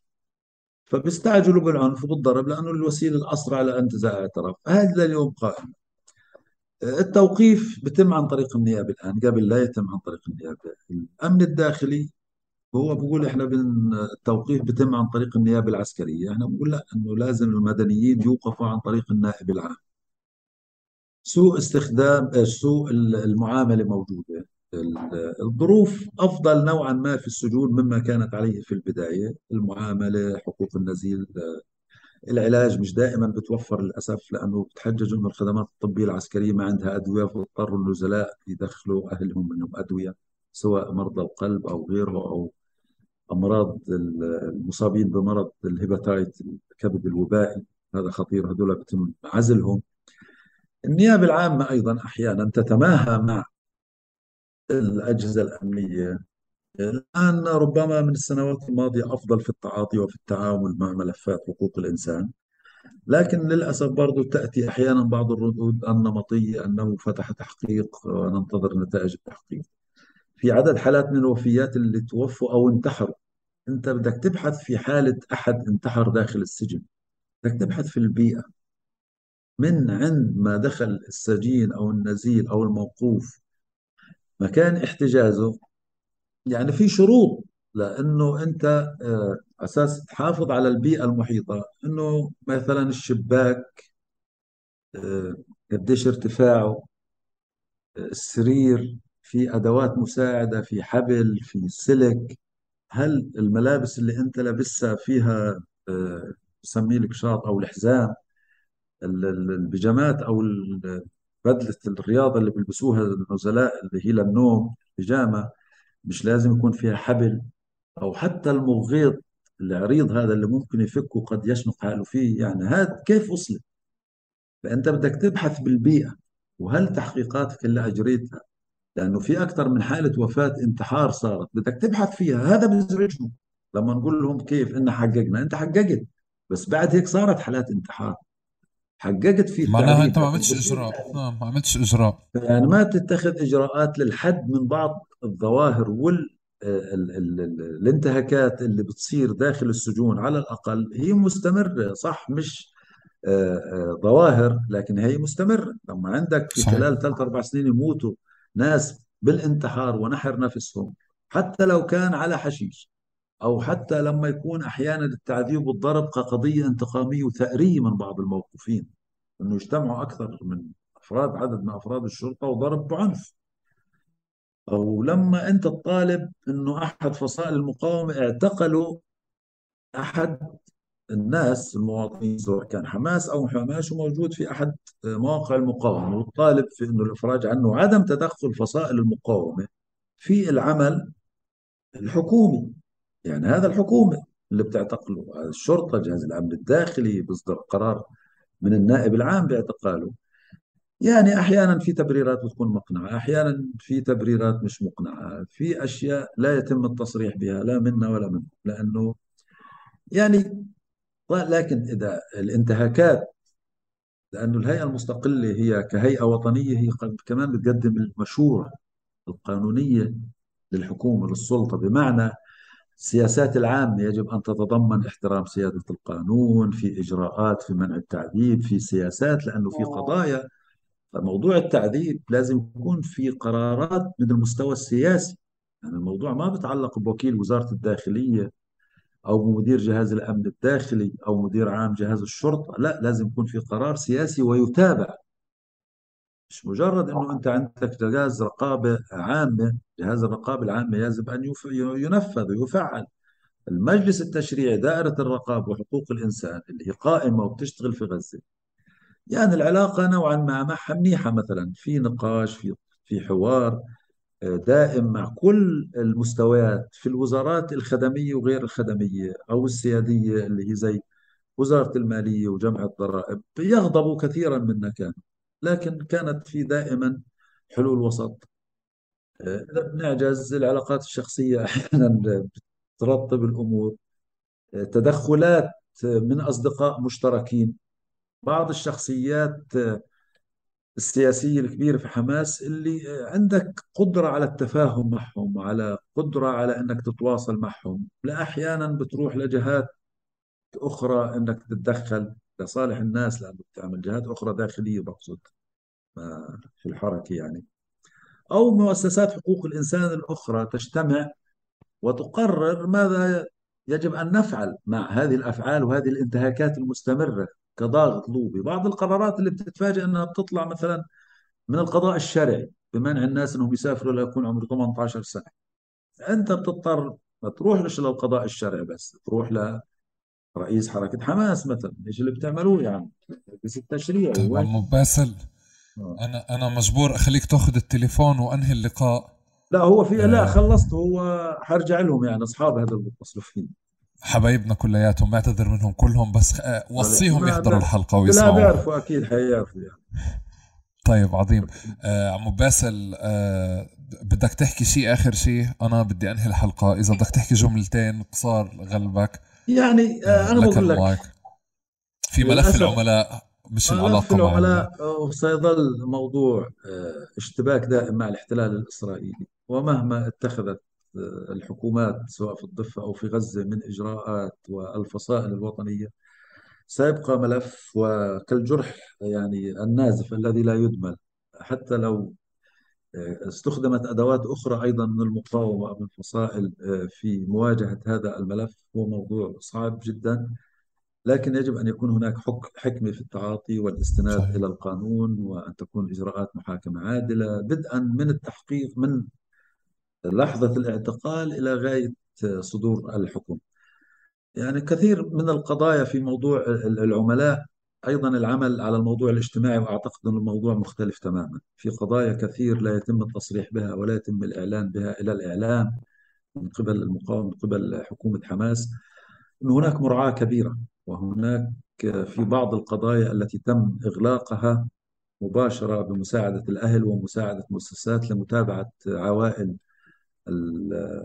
ذوي التعاونين أو هناك شبهة دائما التعاون. طالما هو معتقل ولم يحاكم هناك شبهة تبقى والمتهم بريء حتى تثبت إدانته. لكن في قضايا أخرى أيضا تم إغلاق ملفات كثيرة. وهذا كان بيكون ملف حكيم لأنه كمان أنه تصدر يعني دائما وكأن هناك ظاهرة العملاء وكأنها سمة من سمات الشعب الفلسطيني هذا مسيء وعشان هيك صحيح. في حكمة في التعاطي مع هذا الموضوع أكثر مما كان في السابق في تطور أعتقد مهم لهذا الموضوع لكن هناك بعض القضايا التي قد تبرز لك لحظة وفي فجأة يعني بتخرب أو تهدم كثير من القضايا اللي أنت نجحت أنك تحقق قصص نجاح فيها لخدمة المجتمع ولخدمة آه، الشعب الفلسطيني في قطاع غزة. أوكي. شكرا جزيلا عم باسل. أنا لإلي اليوم أنت هيك ساعدتني أفهم كثير أشياء يعني من من مشهد ما قبل. عندك قدرة. عندك كمان ذخيرة قوية وحصيلة قوية مهمة جدا في هذا الموضوع.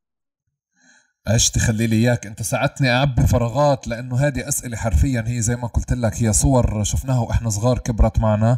وكمان بنفس الوقت بنعرف إنه كيف يعني إنه قديش هذه القضية ممكن استخدامها من أكثر من مكان لتشكل ضغط على مجتمعنا. وبنفس الوقت عارفين للأسف إنه هي حالة سلبية سترافقنا ما دم ما دمنا في قتال.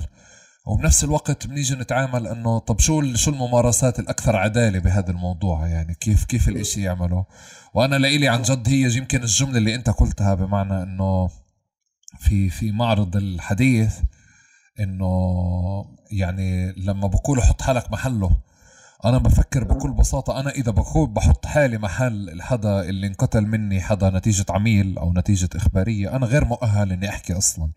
يعني صحيح. أنا بالطبيعي بدي أقول أنا بشعه فيه يعني هذا يمكن جزء يا دوب يعني يشفيني أو بدي أكون متمرس ومتعلق ومؤمن بأشياء كثيرة عشان دائما بقول الله يصيب حدا مكروه يعني صحيح وهو فعليا هو. صح صح هو بالآخر حرفيا إنه إنه يمكن رفاه عندنا رفاهية اليوم من خلال المعلومات والصور والبحث اللي عملناه إنه نجرب نساهم بهذا النقاش. أنا بظن إنه هذه مساهمة عظيمة. شكرا لشهادتك شكرا للحوار هذا. ويعطيك ألف عافية. أنا بالعادة بنهي بسؤال بعيد عن كل هذا الحكي. إشي بنحبه هيك وبفتح الشهية. بتحب المقلوبة؟ بحبها. قديش بتحبها؟ قد ما بحبك. منيح هذا. طيب خلص. أنهينا هيك. أنا اكتفيت. خلص. شكرا لك. شكرا. ربنا يعطيك ألف عافية. شكرا لكم جميعا على المتابعة وعلى اللقاء. أه بتمنى يعني أه هذا الحوار تحكوا عنه كتير. هو حوار الأطول يمكن يكون في تقارب ولكن من الحوارات الأكثر يعني غنى وأكثر وأكثر فائدة وأكثر جدلا ممكن تكون وأكثر إن شاء الله يكون مساهمة ب بتجميع صور وتفكير ومساهمة بالتفكير بهذا الملف والتعامل مع هذا الموضوع. شكرا جزيلا لكم ونراكم في حلقة قادمة.